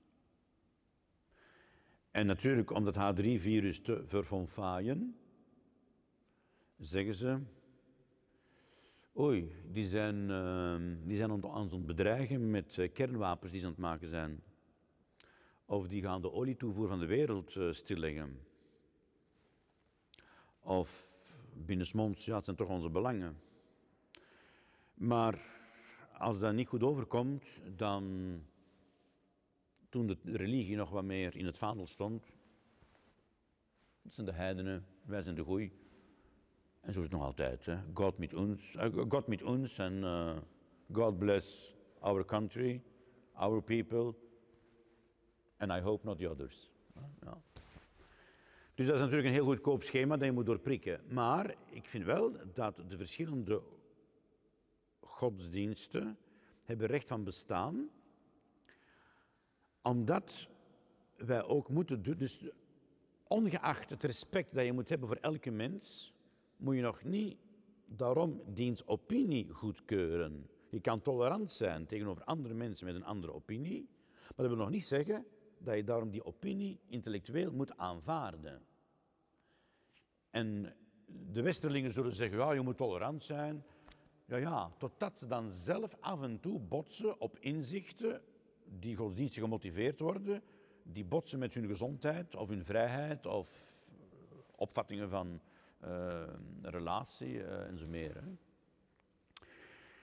De, dus ik zou zeggen, de christenen, je hebt God, maar er bestaan een aantal portretten van. Dat wil ik zo zeggen, uh, dat is altijd mijn, mijn beeld. Stel u voor dat uh, uw rapport van die aard is dat er moet gedelibereerd worden over u. Dat is alleen bij slecht rapporten over u spreken, hè? anders dan. Als men over u spreekt, dan denk ik dat iedereen toch graag hoort wat, natuurlijk wat u het, liefste ligt, maar dat ook graag hoort wat volgens u de waarheid is. En dat een juistere visie over u wordt verkondigd en niet alleen de toevallige indruk die A over u heeft, omdat jij maandag het eerste uur bij hem of haar in de klas zat, of al dan niet omdat dat. Enfin, je moet de waarheid natuurlijk ook wel aankunnen. Hè? Ik weet ook niet of dat je iedereen altijd er klaar voor is. Ja, maar goed, de, de vraag is natuurlijk wat is waarheid? Kan men, kan men over het mysterie van God de waarheid zeggen? Ik kan alleen zeggen dat uh, de Joden hebben nogal een erg nationalistisch beeld van God. Eigen volk. Jezus heeft gezegd, ho, ho, ik ben een Jood, maar de ene God is de God van iedereen. God is universeel. Dat was een totale revolutie. En het tweede is dat Jezus zei, kijk, uh, God vind je niet op de eerste plaats door wetten, reglementen, morele voorschriften te volgen. Van als ik dat doe, dat doe, dan heb ik een goed rapport, dus dan vind ik God. Jezus zei, ongeacht uw rapport, hebt je God lief. En gaat jij die liefde van God in uw leven toepassen? Dat is het criterium, liefde. Nog later, met Mohammed, maar dat is al heel moeilijk om dat nog te durven zeggen in onze maatschappij. Want als men al op voorhand vertrekt van de idee, er wordt hier geen kritisch woord gezegd over, ja, dan, dan kun je niet intellectueel. Hè? Ik vind die mopjes over Jezus aan het kruis nu ook niet altijd even hartverwarmend. Hm? Of bepaalde filmpjes of liedjes ook niet. Maar bon, dat is de prijs die je betaalt voor godsdienstvrijheid. Hm? Uh, nou. Dus, uh, maar dan heeft de volgende gezegd, ja maar liefde, liefde, liefde, dat is, dat is voor watjes, dat is voor doetjes. Onderwerping, buigen, onderwerping, God boven alles. Niet over discussiëren. Het is zoals het is. Het staat daar en. Nou, hallo. Ik vind dat daar uh, over die drie mag intellectueel gepraat worden. En dat men er gevolgen mag zien. Ook al vind ik dat het christendom nu ook niet moet denken van, oh, we hebben de liefde, dus alles is in orde. Nee, want die, die gaan dan ook interpreteren op sommige punten dat je zegt, ja, hallo. Waar is de liefde dan nog, hè, als je... Nou. Ik, ik heb zelf ooit een ervaring uh, meegemaakt um, in de Nederlandse kerk. Die pastoor stond toen buiten um, en sprak ook effectief mensen aan. En ik weet niet meer wat dat juist vroeg aan mij, maar ik dacht dat het ging van ja, wilt jij niet gezegend worden? Correct me if I'm wrong. Um, en ik was er wel ontvankelijk voor, dus samen met een Nederlandse vriend ben ik eigenlijk naar binnen gegaan in die kerk. En heeft hij mij ja, een bepaald uh, ritueel uh, mm. laten zien. En het frappantste van al, uh, Rudy, vond ik um, dat daarna ik mij ook verlicht voelde. Aha. Dus ik vond altijd dat een, een, van de, een van de events in mijn leven dat ik altijd ga blijven onthouden, omdat ik daar... Ik was ervan onder de indruk. Ik dacht van ja, kijk, zo kan het dus ook. Omdat ik dat in België bijvoorbeeld niet zie. Uh, met uitzondering uiteraard van u, maar dan vroeg ik me eigenlijk af, oké, van ja, is alles over die ontvankelijkheid, is het eigenlijk niet alles, um, definieert je je realiteit niet op basis van waar dat jij eigenlijk ontvankelijk voor bent. Want ik was daar ontvankelijk voor en waardoor ook die realiteit zich gemanifesteerd heeft in die verlichting, zal ik het nu maar noemen.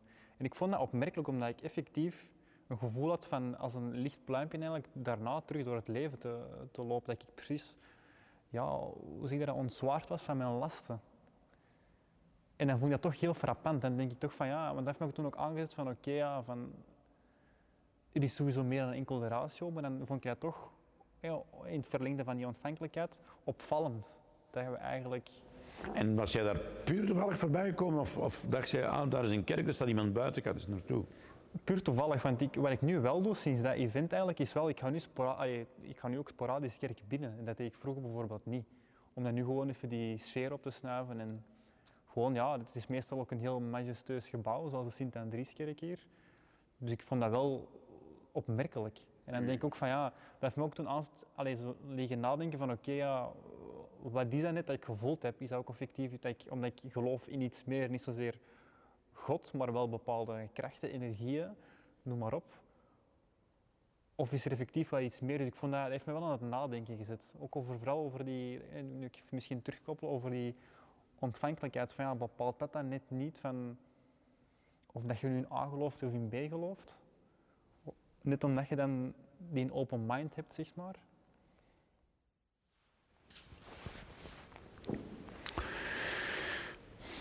Kernvraag is, ja, wat is van nature uit meegegeven en wat vormt ons in cultuur? Hm? Nature, nurture. Ik heb vorige week iemand begraven die een bekende porseleinwinkel in Antwerpen heeft opengehouden, jarenlang. En om eens origineel uit de hoek te komen, ik heb de preek opgebouwd op basis van de fabriek, op basis van het verloop van porselein, beginnend bij het productieproces. Dat ik dan eens was gaan opzoeken. er zijn twee bakken. Ik heb natuurlijk niet in de begrafenis durven zeggen, je kunt ook misbaksel zijn. Nee, dat komt natuurlijk niet goed over. Maar dat, dat, was een geintje dat ik voor mijn eigen, want daar komt het woord vandaan, misbaksel. Men zegt dan, misbaksel trekt op niks. Hè. En dus misbaksel, dat wil zeggen, als het dus, uh, want eerst moet het gebakken worden, dus de klei, en dan nadien, uh, dan moet het drogen, en dan wordt het nog eens opnieuw gebakken met de glazuur erbij. Hm. Maar als dat tweede uh, te hoog, te laag is, en het is misbakken, dat kun je niet opnieuw gebruiken, want dat is geglazuurde klei, dat kun je niet opnieuw gebruiken met het risico dat je failliet kunt gaan. Dus. Nu, de, de mens, dat ga ik voor de rest onthouden, denk ik, is gelijk porselein, heeft twee baksels. Het eerste is genetisch, erfelijk. Het tweede is uw opvoeding. En die opvoeding, die, uh, daarom dat met Freud, daarom ook uh, in het verhaal van Jezus, die aandacht schenkt aan kleine kinderen, de allereerste ervaringen van een kind, ook in de moederschoot.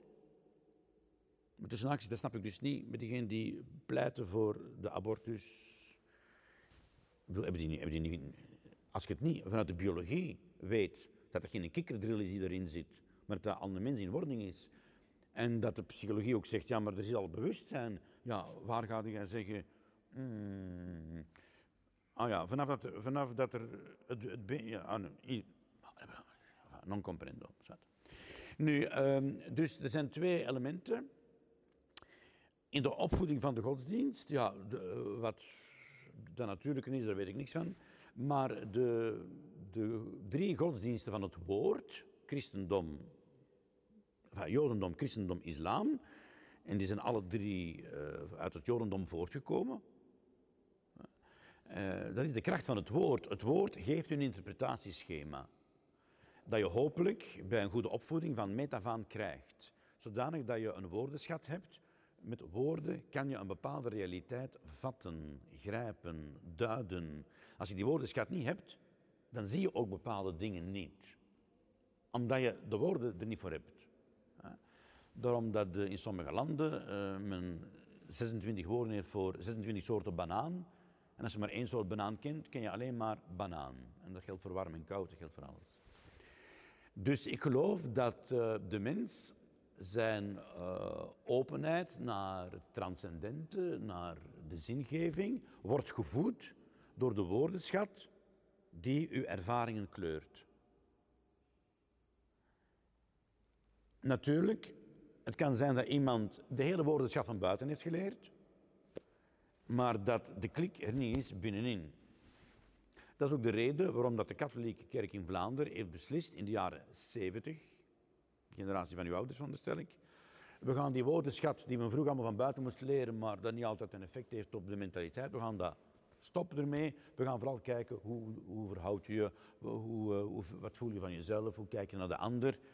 Met als gevolg dat het alleen nog een soort uh, gedragswetenschap werd, of een soort psychologie, en dat de woordenschat om het hogere, het diepere te vatten, totaal weg. En totale bloedarmoede. Totaal een, een faillissement. Faillissement van de godsdienst door onze eigen schuld. Dikke bloed. Eigen schuld. En dan ben ik, dan ben ik gefrustreerd van tot in het gewelste. Dus ja, wat bepaalt. Dat is denk ik moeilijk te meten. Uh, als wij zelf zo verhalen van heiligen alles lezen. Ja, wat geeft op een bepaald moment de klik? De, de, ik herinner me een dokter, geneesheer, die uh, goed, ja, nee, zeg maar. Ja, nee, ik kon misschien op inpikken in de zin van uh, wanneer komt die klik? Ja. Want bij mij is eigenlijk die klik gekomen toen dat mijn pijn zo groot, groot genoeg was, liever, ja. dat ik ben wel gaan zoeken naar alle variabelen die impact hebben op je welzijn en je zijn als mens dat ik ben gaan beginnen kijken van oké, ja, welke is hier, hier niet in balans, mm. waardoor ik zoveel pijn ervaar. Dus ik denk altijd, dat is mijn ervaring, dus ik weet niet of voor iedereen geldt, maar ik denk vanaf dat je pijn groot genoeg is, op welke manier dan ook dat je dat wenst te interpreteren, dat die verandering dan wel zal komen. Ja, maar ik dacht uw vraag was, hoe kan die ontvankelijkheid voor het religieuze... Ja, dat klopt, maar ik pikte eigenlijk in op uh, wanneer die klik ging komen. Want daar ging je nu iets over die geneesheer van vertellen. Ja, uh, ik, zeg, het is een ander soort voorbeeld. Het gebeurt vaak dat mensen, dus daarom dat de coronacrisis heilzaam kan zijn, vaak begint de mens iets gemakkelijker na te denken of op een iets andere manier te denken wanneer zijn gebruiken, zijn gewoonten, zijn comfort een halt wordt toegeroepen. Het zij door ziekte, het zijn door sociale, eh, emotionele crisissen, weet ik veel, dan ben je oh. Of hij verveelt zich. Maar de, in dit geval was het iemand die welstellend is. Een mogelijkheid is dat hij ook zo'n lichtblauwe stip in zijn tuin had. Dat weet ik nu niet, maar dat zou best kunnen. Was op vakantie en uh, hij gaat een kerkje binnen en ja, hij hoort een, nogal een warme preek blijkbaar, die, waarom hij op dat moment, uh, ja, was wel christen, dus hij was nog wel gewoon van naar de mis te gaan, denk ik, maar ja, bon. Maar op een bepaald moment, die preek heeft vat op hem. En hij start, hij was uh, dokter, hij was ook seksuoloog, dokter Vermeijden. Hij start dan in ons land de, de opvangcentra van Poverello. Iemand die nu niet direct uit uh, een bepaalde crisis die ontvankelijkheid ineens ontdekte. Maar die, ja, dat was misschien al lang aan het sluimeren. Dat is zoals uh, een, een, plantje dat onder de bladeren in het bos, ja. En ineens komt het erboven en uh, ja, of een, een, een, vuur dat uh, sluimert. En ineens, ja, lap is daar. Ja, je, kunt het, je zag het niet aankomen. Hm? Wat bepaalt dat? Het is moeilijk te verklaren, maar het ontslaat ons niet als kerk van de taak om ook de religieuze woordenschat, interpretatieschema's, daarvoor dienen verhalen ook. Die verhalen dienen niet zomaar als sprookjes om te vertellen, maar die dienen eigenlijk als een soort uh, sleutel om soortgelijke toestanden of algemene basisinzichten gemakkelijker te vatten als zijnde een weg naar God. Een soort herkenningsmodel als je wil. Een blikopener. Dat is van belang. En als ik dus nu vaststel dat de mensen de verhalen niet meer kennen, omdat ze ook in het onderwijs niet meer worden geleerd, ja, dan zitten we er totaal naast. Niet dat ze zoals in de vorige, vorige generatie Adam en Eva van buiten moeten kennen, denkende, ah, dit vervangt de evolutieleer. Maar omdat in het verhaal van Adam en Eva basisinzichten zitten die vertellen dat het leven een geschenk is, dat het leven ons is toevertrouwd, dat je niet alles kunt bepalen, goed en kwaad. Eh, en dat je een opdracht hebt om te werken en zo meer. er zitten dus een aantal basisinzichten in. Maar ja, de klik, waarom bij de ene de klik op die leeftijd, de andere jonger, de andere ouder, de ander in crisis, de ander in, in de volle fleur van zijn leven. De apostelen, zoals Petrus en Andreas, de patroon eigenlijk van deze kerk, die in schitterende barokstijl, in een levend theater, live, ver kan het niet, onder de preekstoel staan hier. Hm, dat waren professionals die succes hadden, die hun portemonnee was goed gevuld. Die zijn niet uit armoede Jezus gaan volgen, maar die werkten in de visserijsector. Uh, en die zeiden, ja, boing, dat geeft wel een andere dimensie aan het leven. Ja, waar kwam die klik vandaan? Ik weet het niet. Ik kan alleen, ik kan alleen bepaalde momenten in mijn leven herinneren dat die mee die klik hebben bewerkstelligd, maar daarmee heb ik natuurlijk ook nog niet alles gezegd. Ik weet ook niet of ik alles nog weet. Hè. Maar u bent wel overtuigd dat die klik of die ervaring wel een goddelijk gegeven is? En... Ik, kan dat, ik kan dat duiden als zijnde aan God gelieerd. Ja. Maar ik ga, niet te snel, ga niet te snel hier uh, magic Nu, God is de Heer van alle leven. Um, een vraag die je waarschijnlijk ongetwijfeld veel krijgt, maar hoe is God eigenlijk ooit ontstaan? Sommigen zullen zeggen in, in, in de vele sprookjes van de mens. Maar uh, ja, hoe die ontstaan is, ja, dat ik, natuurlijk, we hebben een dooddoener in die zin als als God het absolute zijn is. Maar ik moet u zeggen, ik ben filosofisch niet zo sterk. En er zijn vormen van denken, kwantum enzovoort, die mij niet eigen zijn. Maar ehm, als God de absolute grond is van alles wat bestaat, beeld ik me in dat die, dat, dat die draagkracht, ik zal het zo zeggen, de draagkracht van het leven, met een hoofdletter dan, hè, om het zo te zeggen. De draagkracht van het leven, beeld ik me in, heeft altijd bestaan. Maar natuurlijk, het probleem is dat wij door die verhaaltjes toch nog altijd gemakkelijk zo God als een, een voorwerp of een.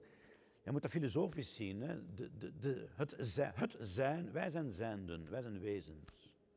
Jij zit hier, uh, de mensen hier, alles is wat er is. Maar wij kunnen er pas zijn als het zijn, als de draagkracht er is. En met de draagkracht bedoel ik niet alleen dat kleine blauwe knikkertje, dat als een kleine knikkertje door dit oneindige ruimte danst en holt en tolt. Dat is ook een, een, een platform dat ons draagt. Toch acht decennia lang gemiddeld. Hè? Maar ehm, ja, nog op een ander niveau, de zijnsgrond van al wat is. Maar dan denk ik dat mijn woordenschat ongeveer al geëindigd is. Hè? Maar in die overtuiging ben ik ook sowieso een believer, zeg maar, omdat ik ook geloof in bepaalde krachten, zeg maar. Of dat kun je heel wetenschappelijk gaan benaderen, elektromagnetische krachten, noem maar op. Uh, dingen die, die aanwezig zijn en die ook het zijn zouden kunnen zijn, als het dat duidelijk maakt. maar dan zou, ik, dan zou ik het niet het zijn niet God durven noemen, maar gewoon zijn van als in dit is het leven. En ik geloof wel in dat zijn, maar ik benoem hem liever niet als God. Ja. Ja, ik weet het, dat is natuurlijk de. Nou, dat, is, dat is nu meer eigen aan deze tijd, hè? Gelooft ja. Ja, zeg maar. Het kan zijn dat de gelovige en sommigen zeker, te gemakkelijk doen alsof dat ze God kennen en in hun binnenzakken besteken. En God zegt dit en God wil dat en ja, hallo, hallo. Een beetje bescheidener spreken over God. Er werd ons geleerd hè, dat uh, het atheïstisch passief, dat is ik word geroepen, ik word uitgenodigd. En dan kun je daar tussen haakjes door bijdenken. Vroeger zou men zeggen, God roept mij. God zegt mij. God laat mij zien dat. Maar we weten ook dat dat zo gemakkelijk al misbruikt geworden is om de kleine kindjes kalm te houden of anderen onder de knoet te houden, weet ik veel. Dat ook zelfs, denk ik, uh, gelovigen daar spaarzamer in zijn. Maar als ik mag verwijzen naar de tekening boven het orgel van Fateless, God is a DJ. Mooi. Dat viel me nog niet op. Dan wordt er een tijd. dat staat aan de uitgang van de kerk. Uw research moet wel grondig zijn. Natuurlijk, als er een overvloed aan informatie is, moeten we beginnen bij het begin. Dat heeft hij goed gezegd, nietwaar? Ja, dat heeft hij goed gezegd. Ja, scoren. Nu dat we toch bezig zijn over de kerk, die rode boksbal. Die u nu niet ziet, maar u doet alsof hij u hem weet staan, ja? Ja, ja dat is wel. Nee, nee, die rode bokzak, ja, die heeft zijn betekenis. Namelijk, dat was ooit in een eh, preek van de nachtmis, van kerstmis. Ik zei, kijk, ik kan begrijpen dat uh, bij een aantal families de kerststal niet meer staat in huis, omdat de design trend van het moment, van onze interieurarchitecten, niet meer toelaat dat er veel franjes in de gestroomlijnde ruimtes binnentreedt. Hm? Maar daarnaast heb je natuurlijk ja, de secularisatie. Voor sommigen is de kerststal te veel verbonden aan uh, de herdertjes lagen bij nacht, koekenbakken vlaaien, siroop, Geef ons maar iets nuchterder. Maar dan vind ik het spijtig dat uh, de, de fantasie, de verbeeldingskracht die het verhaal ondersteunt, je kunt je wel eens eventjes overslaan, maar als je het te lang doet, dan gaat het verhaal ook weg. Hm? Dus ik snap wel dat niet elk jaar hetzelfde, ja. Hè. Maar als je dat te lang doet en je zegt, zoals ik iemand ooit heb horen zeggen, uh, wij gaan niet naar de nachtmis, wij zetten een plaat op van, van de Beatles, denk ik. En we luisteren eens naar een, naar een muziekje om, middernacht en dat is voor ons voldoende. Vind ik vind het al, mooi dat mensen in een uh, gezelschap waar onder andere nogmaals de appetijt uh, misschien op de voorgrond treedt bij sommigen, dat dat is, wordt even een halt toegeroepen door eens naar de muziek. Wat ook de boodschap expliciet is. Maar dat hoeft nog niet in concurrentie te zijn of te vervangen voor ons de kern van de zaak. Namelijk dat het mysterie God een liefdevolle kracht is die ook in deze wereld impact wil hebben. Hoe, daar kunnen we nog over. Maar de liefde op deze ene kleine planeet, die voor sommigen misschien puur toeval is, de opdracht die die acht of negen miljard meer mensen hebben om de liefde te beleven, is een goddelijke opdracht. Dat is voor mij een kern van het geloof.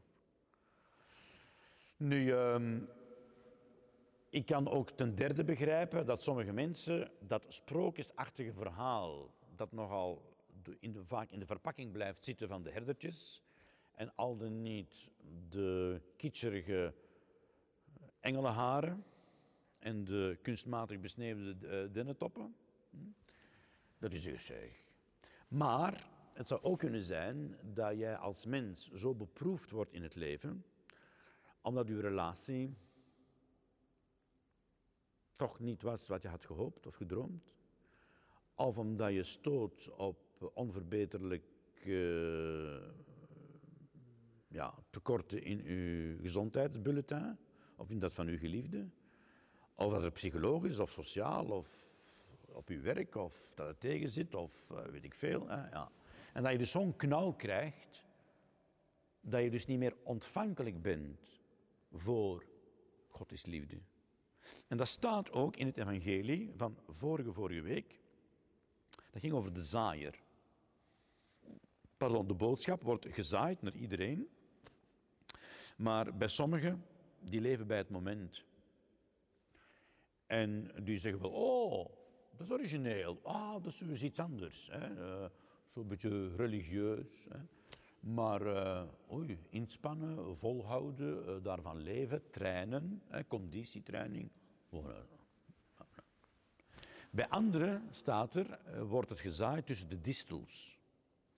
En die distels, dat zijn ofwel de begoochelingen van de rijkdom, of de zorgen van het leven. En die begoocheling van de rijkdom hebben we juist al gehad als we het over het H3-virus hebzucht hadden. Maar, ik, met alle respect, er zijn mensen die zo door het leven zijn gepakt en die, ja, als je daartegen zegt, ja, maar God is liefde, mevrouw of meneer of uh, jonge gast. Ja, hallo. Hallo. En dan. Dus het vloeken behoort tot de relatie met God. In de Bijbel staan vloekpsalmen. Mensen die kwaad zijn op God. Oh, oh, oh, jij, jij zit onze God. Oh, stel maar eens voor, je bent een gelovige Jood, je zit in de concentratiekampen. Maar het is soms in die shit dat de mooiste religieuze gedichten ontstaan. Terwijl diegene die misschien naast u zit, van die boer geen eieren meer. Hoe verklaart je dan nu dat in ene, hè, dus uh, we hebben zo'n Bonhoeffer, hè, een protestant eigenlijk, hè, maar er waren ook christenen, ook pastoors, die, uh, er een paar duizend, hè, die hebben moeten zwijgen, of die hebben moeten, ja, dat is genade, zeggen wij. Dat is gratuit. Dat is iets dat, ja. En dus die bokzak is eigenlijk bedoeld om aan de mensen te zeggen: wij snappen dat jij zo gefrustreerd kunt zijn dat praise the Lord, alleluia, niet direct het uwe is, maar hier mogen vloeken. Hier mogen tegen boksen. En ik denk dat zelfs betere vrienden, zonder daarom nu bont en blauw te slagen, dat, uh, dat elkaar af en toe zo eens moet kunnen een speelse, sportieve manier eens een tjoef geven, zodat de boodschap overkomt. Mooi. In, ik heb ook opgemerkt dat je steeds zegt van in je laatste reis, dat je het over een laatste reis hebt, um, niet materialistisch eigenlijk meeneemt uh, en dat je enkel meeneemt of achterlaat wat je gedeeld hebt. Nu vraag ik mij af, wat is het dat jij hebt gedeeld en heb je ooit genoeg gedeeld als mens? Ik heb deze morgen al bijna twee uur met u gedeeld.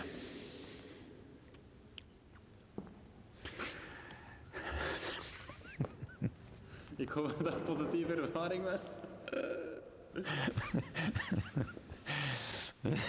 Heb je genoeg gedeeld? Ja. We zijn maar 24 uur in de dag. En mijn portemonnee is wat het is. En mijn talenten, die kunnen natuurlijk nog altijd wel iets meer ontwikkeld worden, maar het gaat altijd over beperkte budgetten, beperkte tijdschema's en beperkte kwaliteiten. Dan is de vraag, hoe eerlijk, authentiek ben je in het delen? Want het is niet omdat ik dat aan de microfoon al dan niet gelivestreamd of al dan niet zo is voor de show vertel of probeer duidelijk te maken. Want er is zo'n oud gezegde, de vos predikt de passie. De passie is het lijden, dat wil zeggen de offerbereidheid. Het lijden van Jezus. Hè? Het is de vos. Dus hij is sluw genoeg om er wel over te praten, maar het niet in praktijk om te zetten. Hm? Dus dat is natuurlijk ook de vraag. Um, ik weet tot nu toe, ik heb uh, in mijn leven nog nooit echt voor iemand ingestaan die ziek is. Ik heb nog nooit in mijn leven, denk ik toch, ja, ik ben s'nachts opgestaan. Ja, toch zeker al niet voor eigen kinderen. Dus ik heb gemakkelijk praten. Ik heb gemakkelijk praten in dit coronatijd. Perk van, laat ons geduldig zijn, laat ons niet te gauw uh, elkaar in de gordijnen jagen. Maar ik heb het huisje waar ik woon voor mijn eigen. In mijn appartement hebben we een aantal kamers. Maar overal waar ik kom, sta ik alleen en trap ik op niemands tenen en er is niemand die op mijn tenen trapt. Maar als ik met vier, vijf anderen, waar dat zusje, grote zus lief, nee, klein zusje lief is, die mij ambeteert, al voor de corona. En mijn grote broer, die altijd baas wil spelen over mij, die ik liever niet zie. En nu moet ik daar dag in dag uit mee. Ja, dat is gemakkelijk zeggen. Hè? Ik had, ik had zo'n aantal plannetjes wel, maar, maar ze zijn niet realistisch om eh, de ruimtes meer open te stellen of zo. Maar, maar ja. Dus in welke mate dat ik deel, um, ik weet dat financieel, ik denk wel dat ik dat mag zeggen, moest ik uh, de business, de portemonnee voorrang hebben gegeven in mijn leven, dan had ik, denk ik, nu wel toch wel wat meer op mijn bankrekening staan. Dat denk ik wel. Dus in die zin heb ik iets gelaten, iets, die tijd en die energie heb ik dan toch voor iets anders besteed. Natuurlijk kunnen sommigen nog zeggen, ja, maar je doet het voor hè, je eigen glorie. Want waarom, geeft je, allez, waarom zet je je in voor Sint-Andries of uh, probeert je naar het publiek toe? Hè? Nou, is voor eigen glorie. Is dat dan het einddoel? Hm? Ik zou zo zeggen, de, in het beste geval geef ik iets meer eer aan dit uniformpje dan dat ik, Rudy Mannaerts, van dit uniformpje eer moet krijgen. In het beste geval. Of dat dat waar is, dat zal ik wel eens op de deliberatie horen op het einde van de rit. In de hoop dat er een objectieve kijk is op de zaak. Staan er eigenlijk veel, uh, hoe is het eigenlijk gesteld met de katholieke kerk van vandaag? Staan er veel opvolgers klaar om uw rol eventueel op te nemen of over te nemen? Zie daar, het leger dat te wachten staat.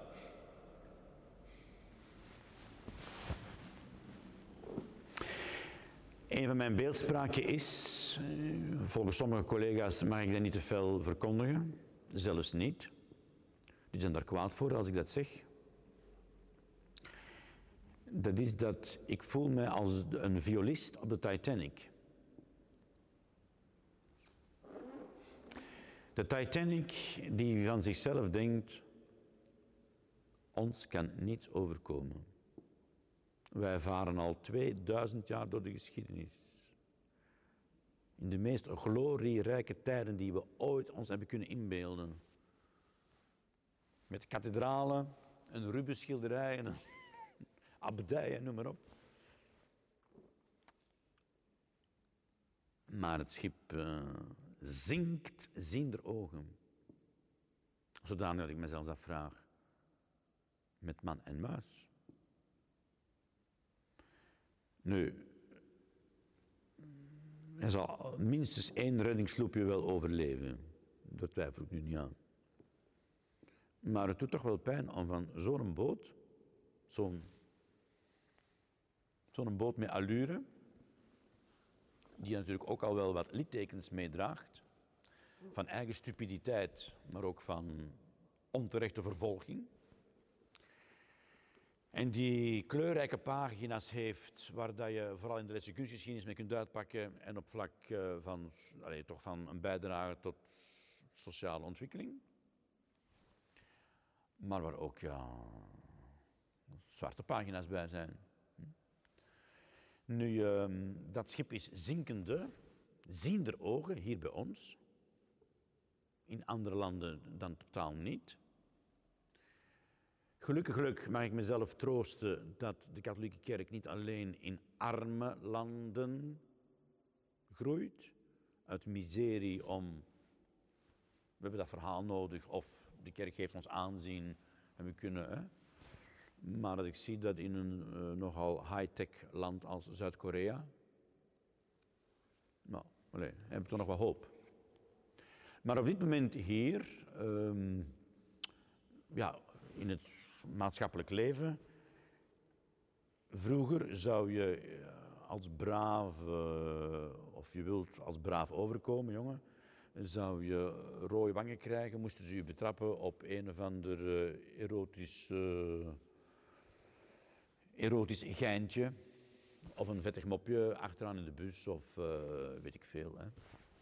Je zo Terwijl ik denk, als ze nu tegen u moesten zeggen... Ah, Mathieu, ga je zondags naar de mis? Ik denk dat de, de tomaten die verkleuren ten opzichte van de rode wangen ik, ik herinner mij een leerling.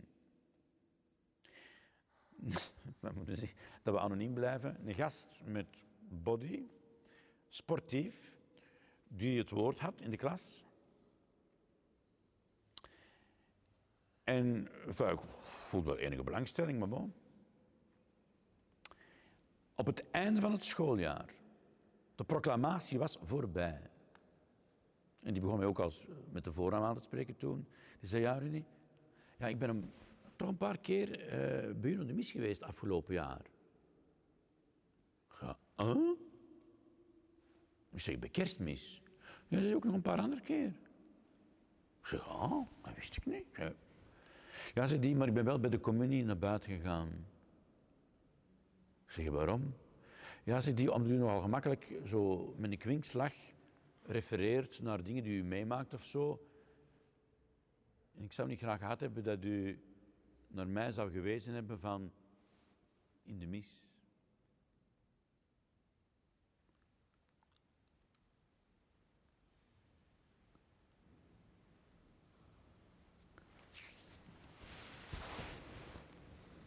Moest ik vroeger uit een of ander erocentrum komen en betrapt worden door ik weet niet wie, dan zou ik zeggen, oei, maar nu betrapt worden in de mis.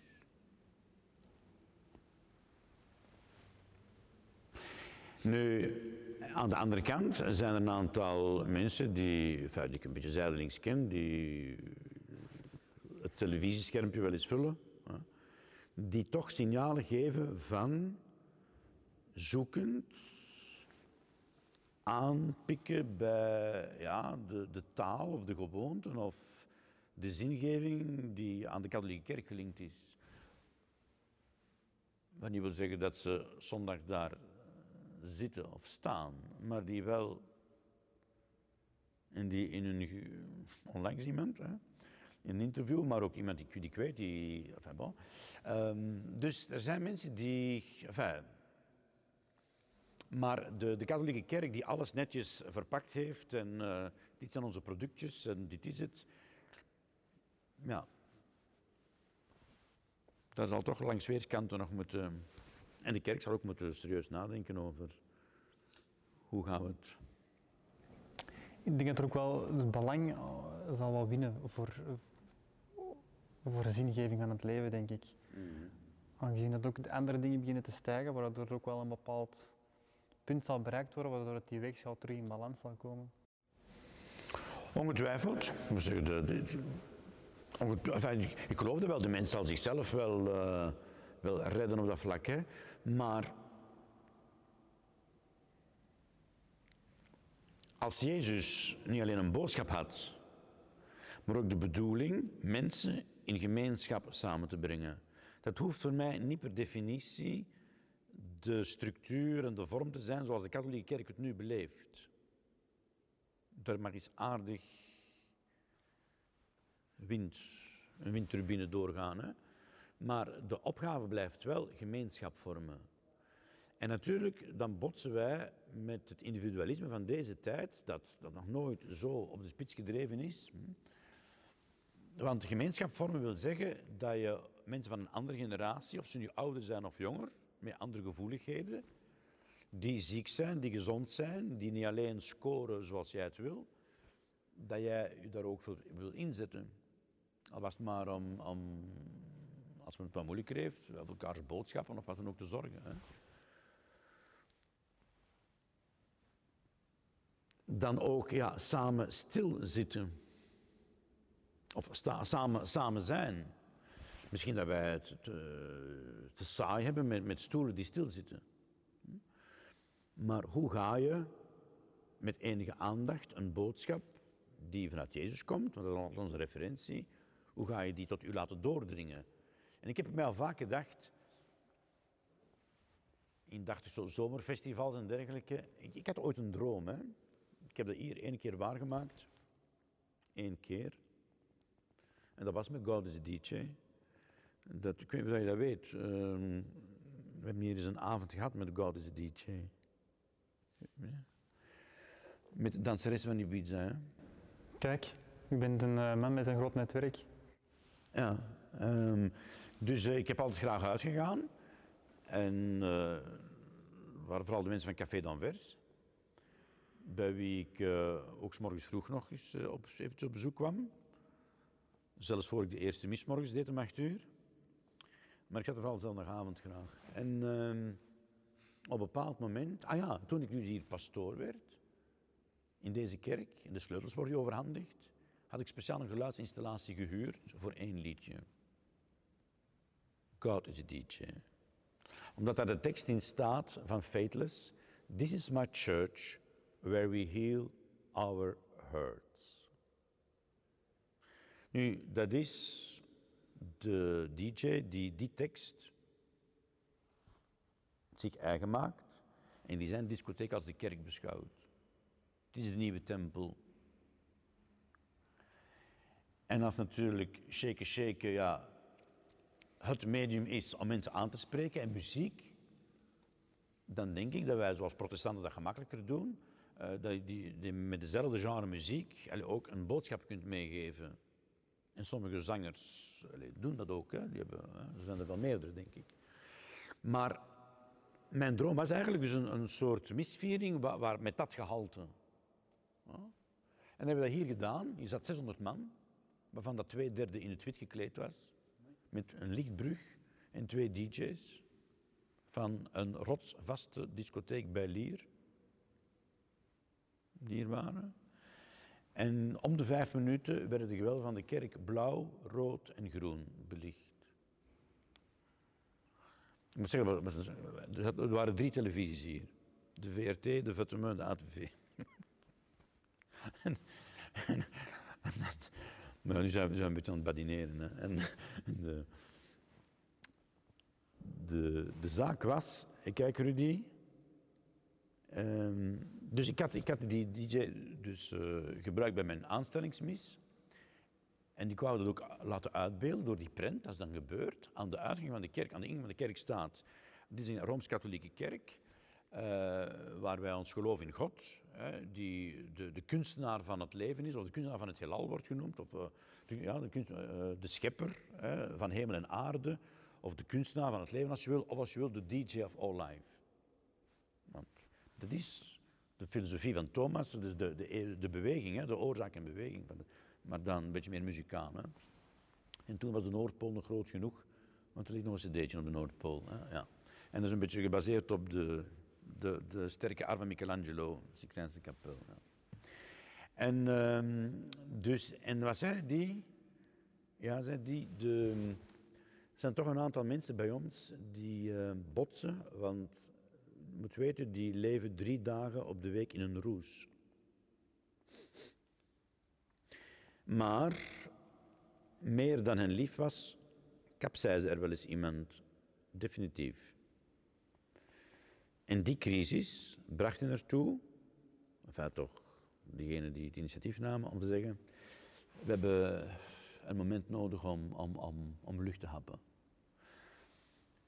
En ik zei uh, met kerstmis, ik zei ja, maar niet, niet de nachtmis, maar dan de dag nadien, wanneer dat alles dicht is.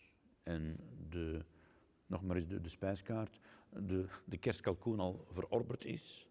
De dessert misschien nog een stukje in de koelkast, maar dat, is een van de, meest doodste dagen van het jaar. Dat is 25 december s'avonds. En dan hebben we dat hier gedaan. En er was een professionele danseres bij. 21 jaar toen, denk ik. Of 22. En uh, stond al in de krant op voorhand. Foto van ja, fijn. En die zeiden zo, weet je wat, we brengen danseressen, die zit op Ibiza, hè. we brengen danseressen van Ibiza mee. Weet we zullen je verkleden als engeltjes. En toen heb ik een stomme tijd begaan. Ik zei, nee, doe maar gewoon, zelfs zoveel kitsch bij kerstmis. Dus het werd mini. Hm. Had ik dat geweten. Um, bon, een hele affaire, veel nadien op het matje geroepen.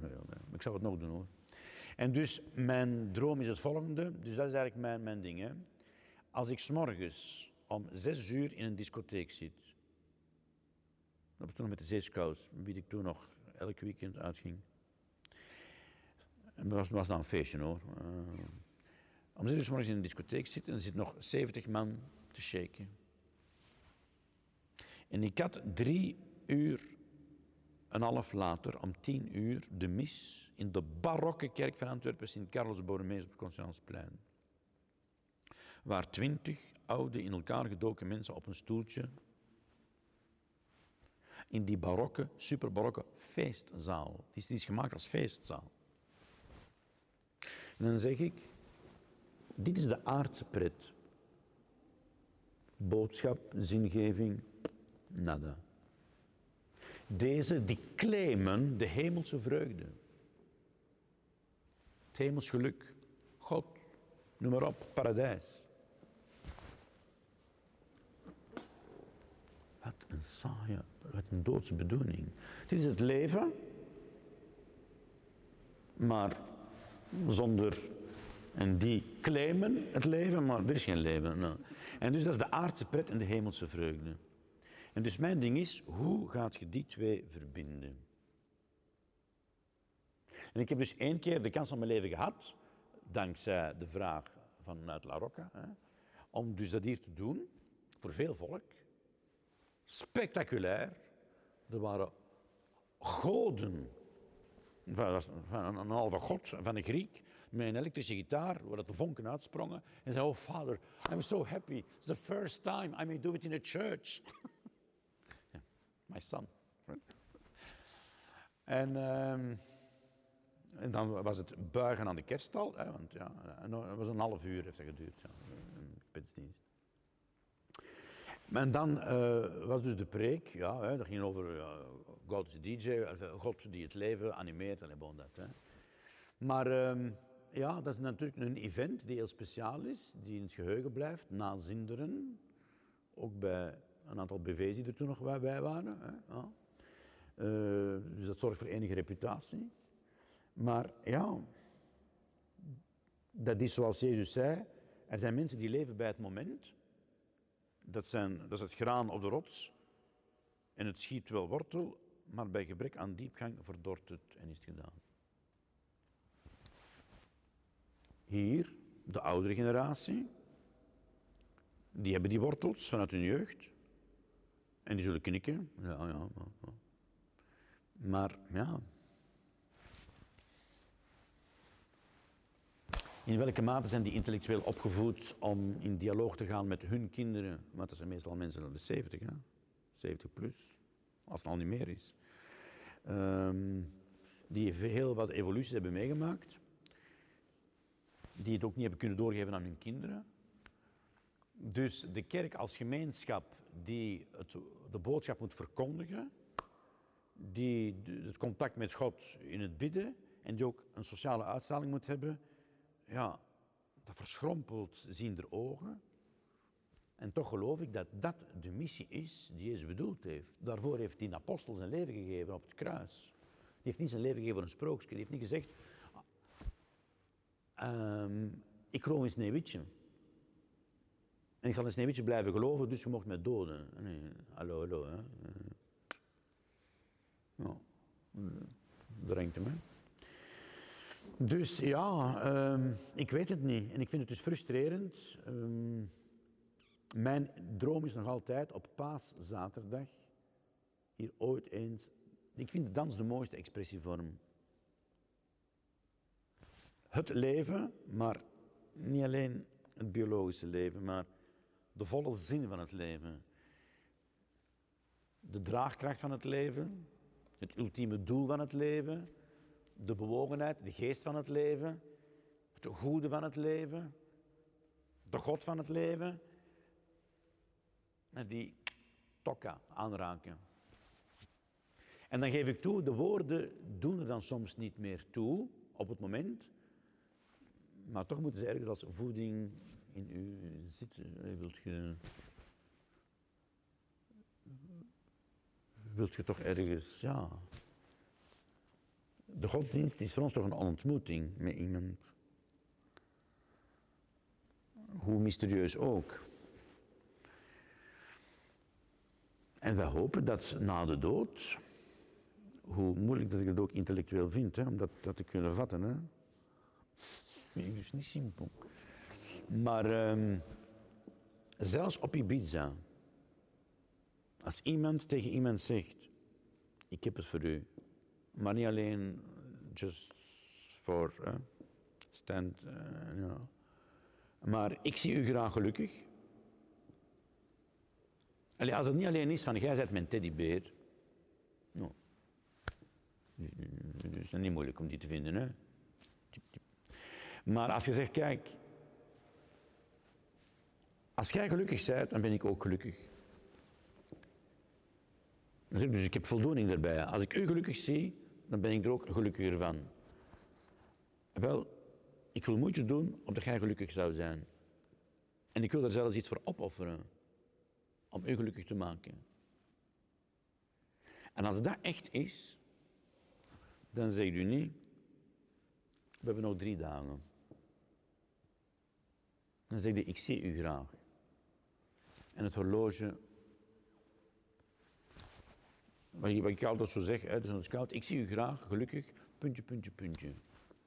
Forever and ever. En dat is voor mij de enige intellectuele reden die ik heb om te geloven dat er meer leven is dan negen maanden in de moederschoot, gemiddeld 82 jaar bij ons hier op deze planeet nog eens. Ik geloof dat er nog een derde fase komt.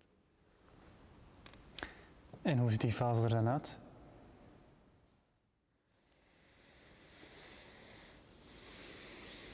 Ja, als je het geluk hebt om iemand in liefde, in vriendschap te ontmoeten, dat vind ik al, al veel. Dus dat is voor mij, de ontmoeting is voor mij het woord. En je kunt die ontmoeting natuurlijk uitbeelden met, met dans, uh, met, met rijstpappen, met, ik weet niet wat voor lepeltjes of chocomousse of wat dan ook. Hè.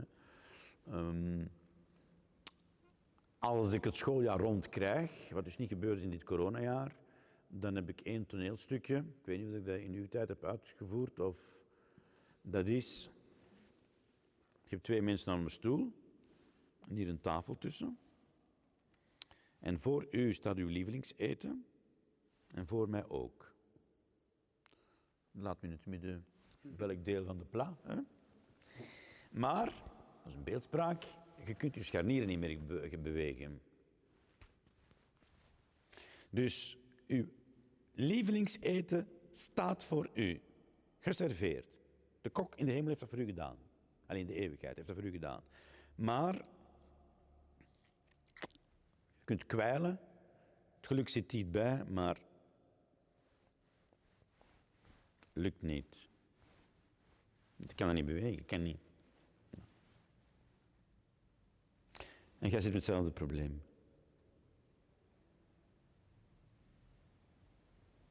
Dat is de eeuwigheid.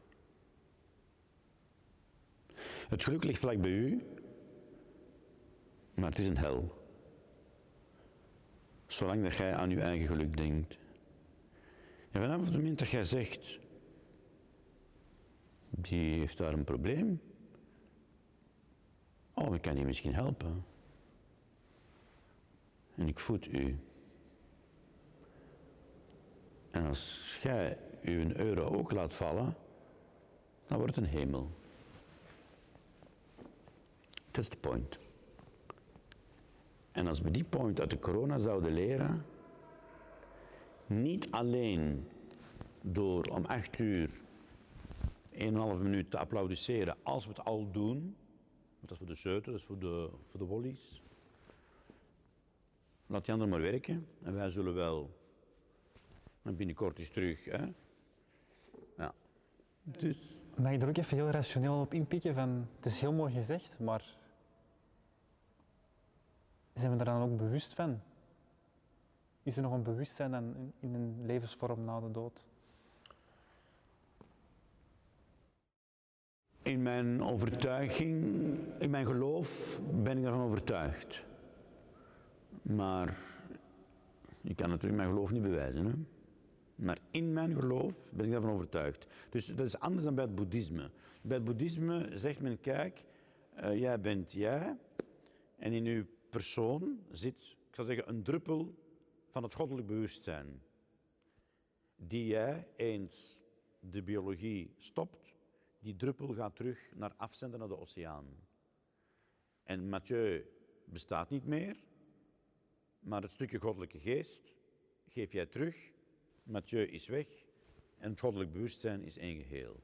Wij zeggen, Mathieu en Rudy hebben hun persoonlijkheid en in de liefde ga je de ander als ander, de ander in zijn persoonlijkheid, blijven dragen en laten zijn wie die is. En dus daarom is voor ons het perspectief anders. Voor ons is het een ontmoeting. Jij blijft jij. En in die zin zeg ik, er mag ook intellectueel die verschillende godsdiensten mogen eens naast elkaar gelegd worden om te zien, moet je niet meer nog niet akkoord gaan, maar je moet minstens snappen wat het essentieel verschil is. Hm? En dan kun je nog zeggen, ja, zeg, dat is wishful thinking of uh, hallo, hallo, hè? maar dat is een basisvisie. Dus bij elk kind dat hier gedoopt wordt, wordt dat gezegd, jij bent jij, dus jij krijgt je voornaam, your Christian name, dus je krijgt je voornaam, daarmee zul jij aangesproken worden. De ene keer uh, heel zacht, heel lief, de andere keer met meer decibels. Hangt een beetje af van ons humeur en van uw manier van doen. Hè? Maar voor God blijf jij, puntje, puntje, puntje, over de dood heen. Ik vind dat te mooi om het niet te geloven.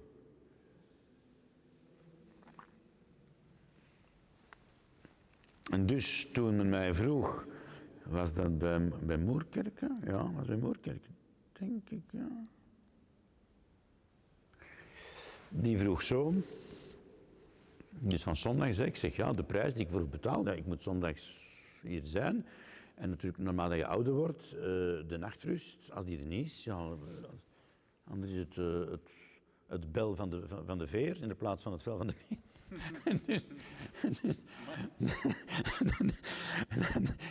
Dus heb ik ooit... Wij christenen, wij zeggen op, op Pasen, bij kerstmis, een zalige, dat wil zeggen een diep gelukkige hoogdag.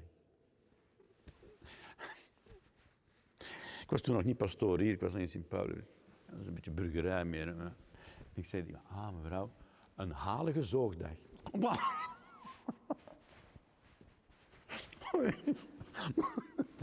mon dieu, mon dieu, mon dieu, quelle affaire. Ja.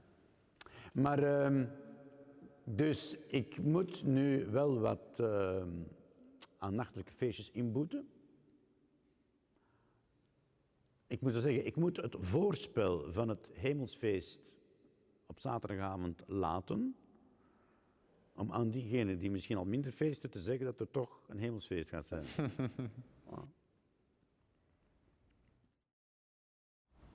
Om het met uw woord te zeggen, liever een, een zalig paasfeest dan een vrolijk paasfeest. Ik zie dat bepaald een, een bepaalde misvering wel een indruk op u gemaakt heeft. Zeker. En um, wat zijn de doelen nog van uh, Rudy Mennaert? De doelen. Ik heb concrete doelen.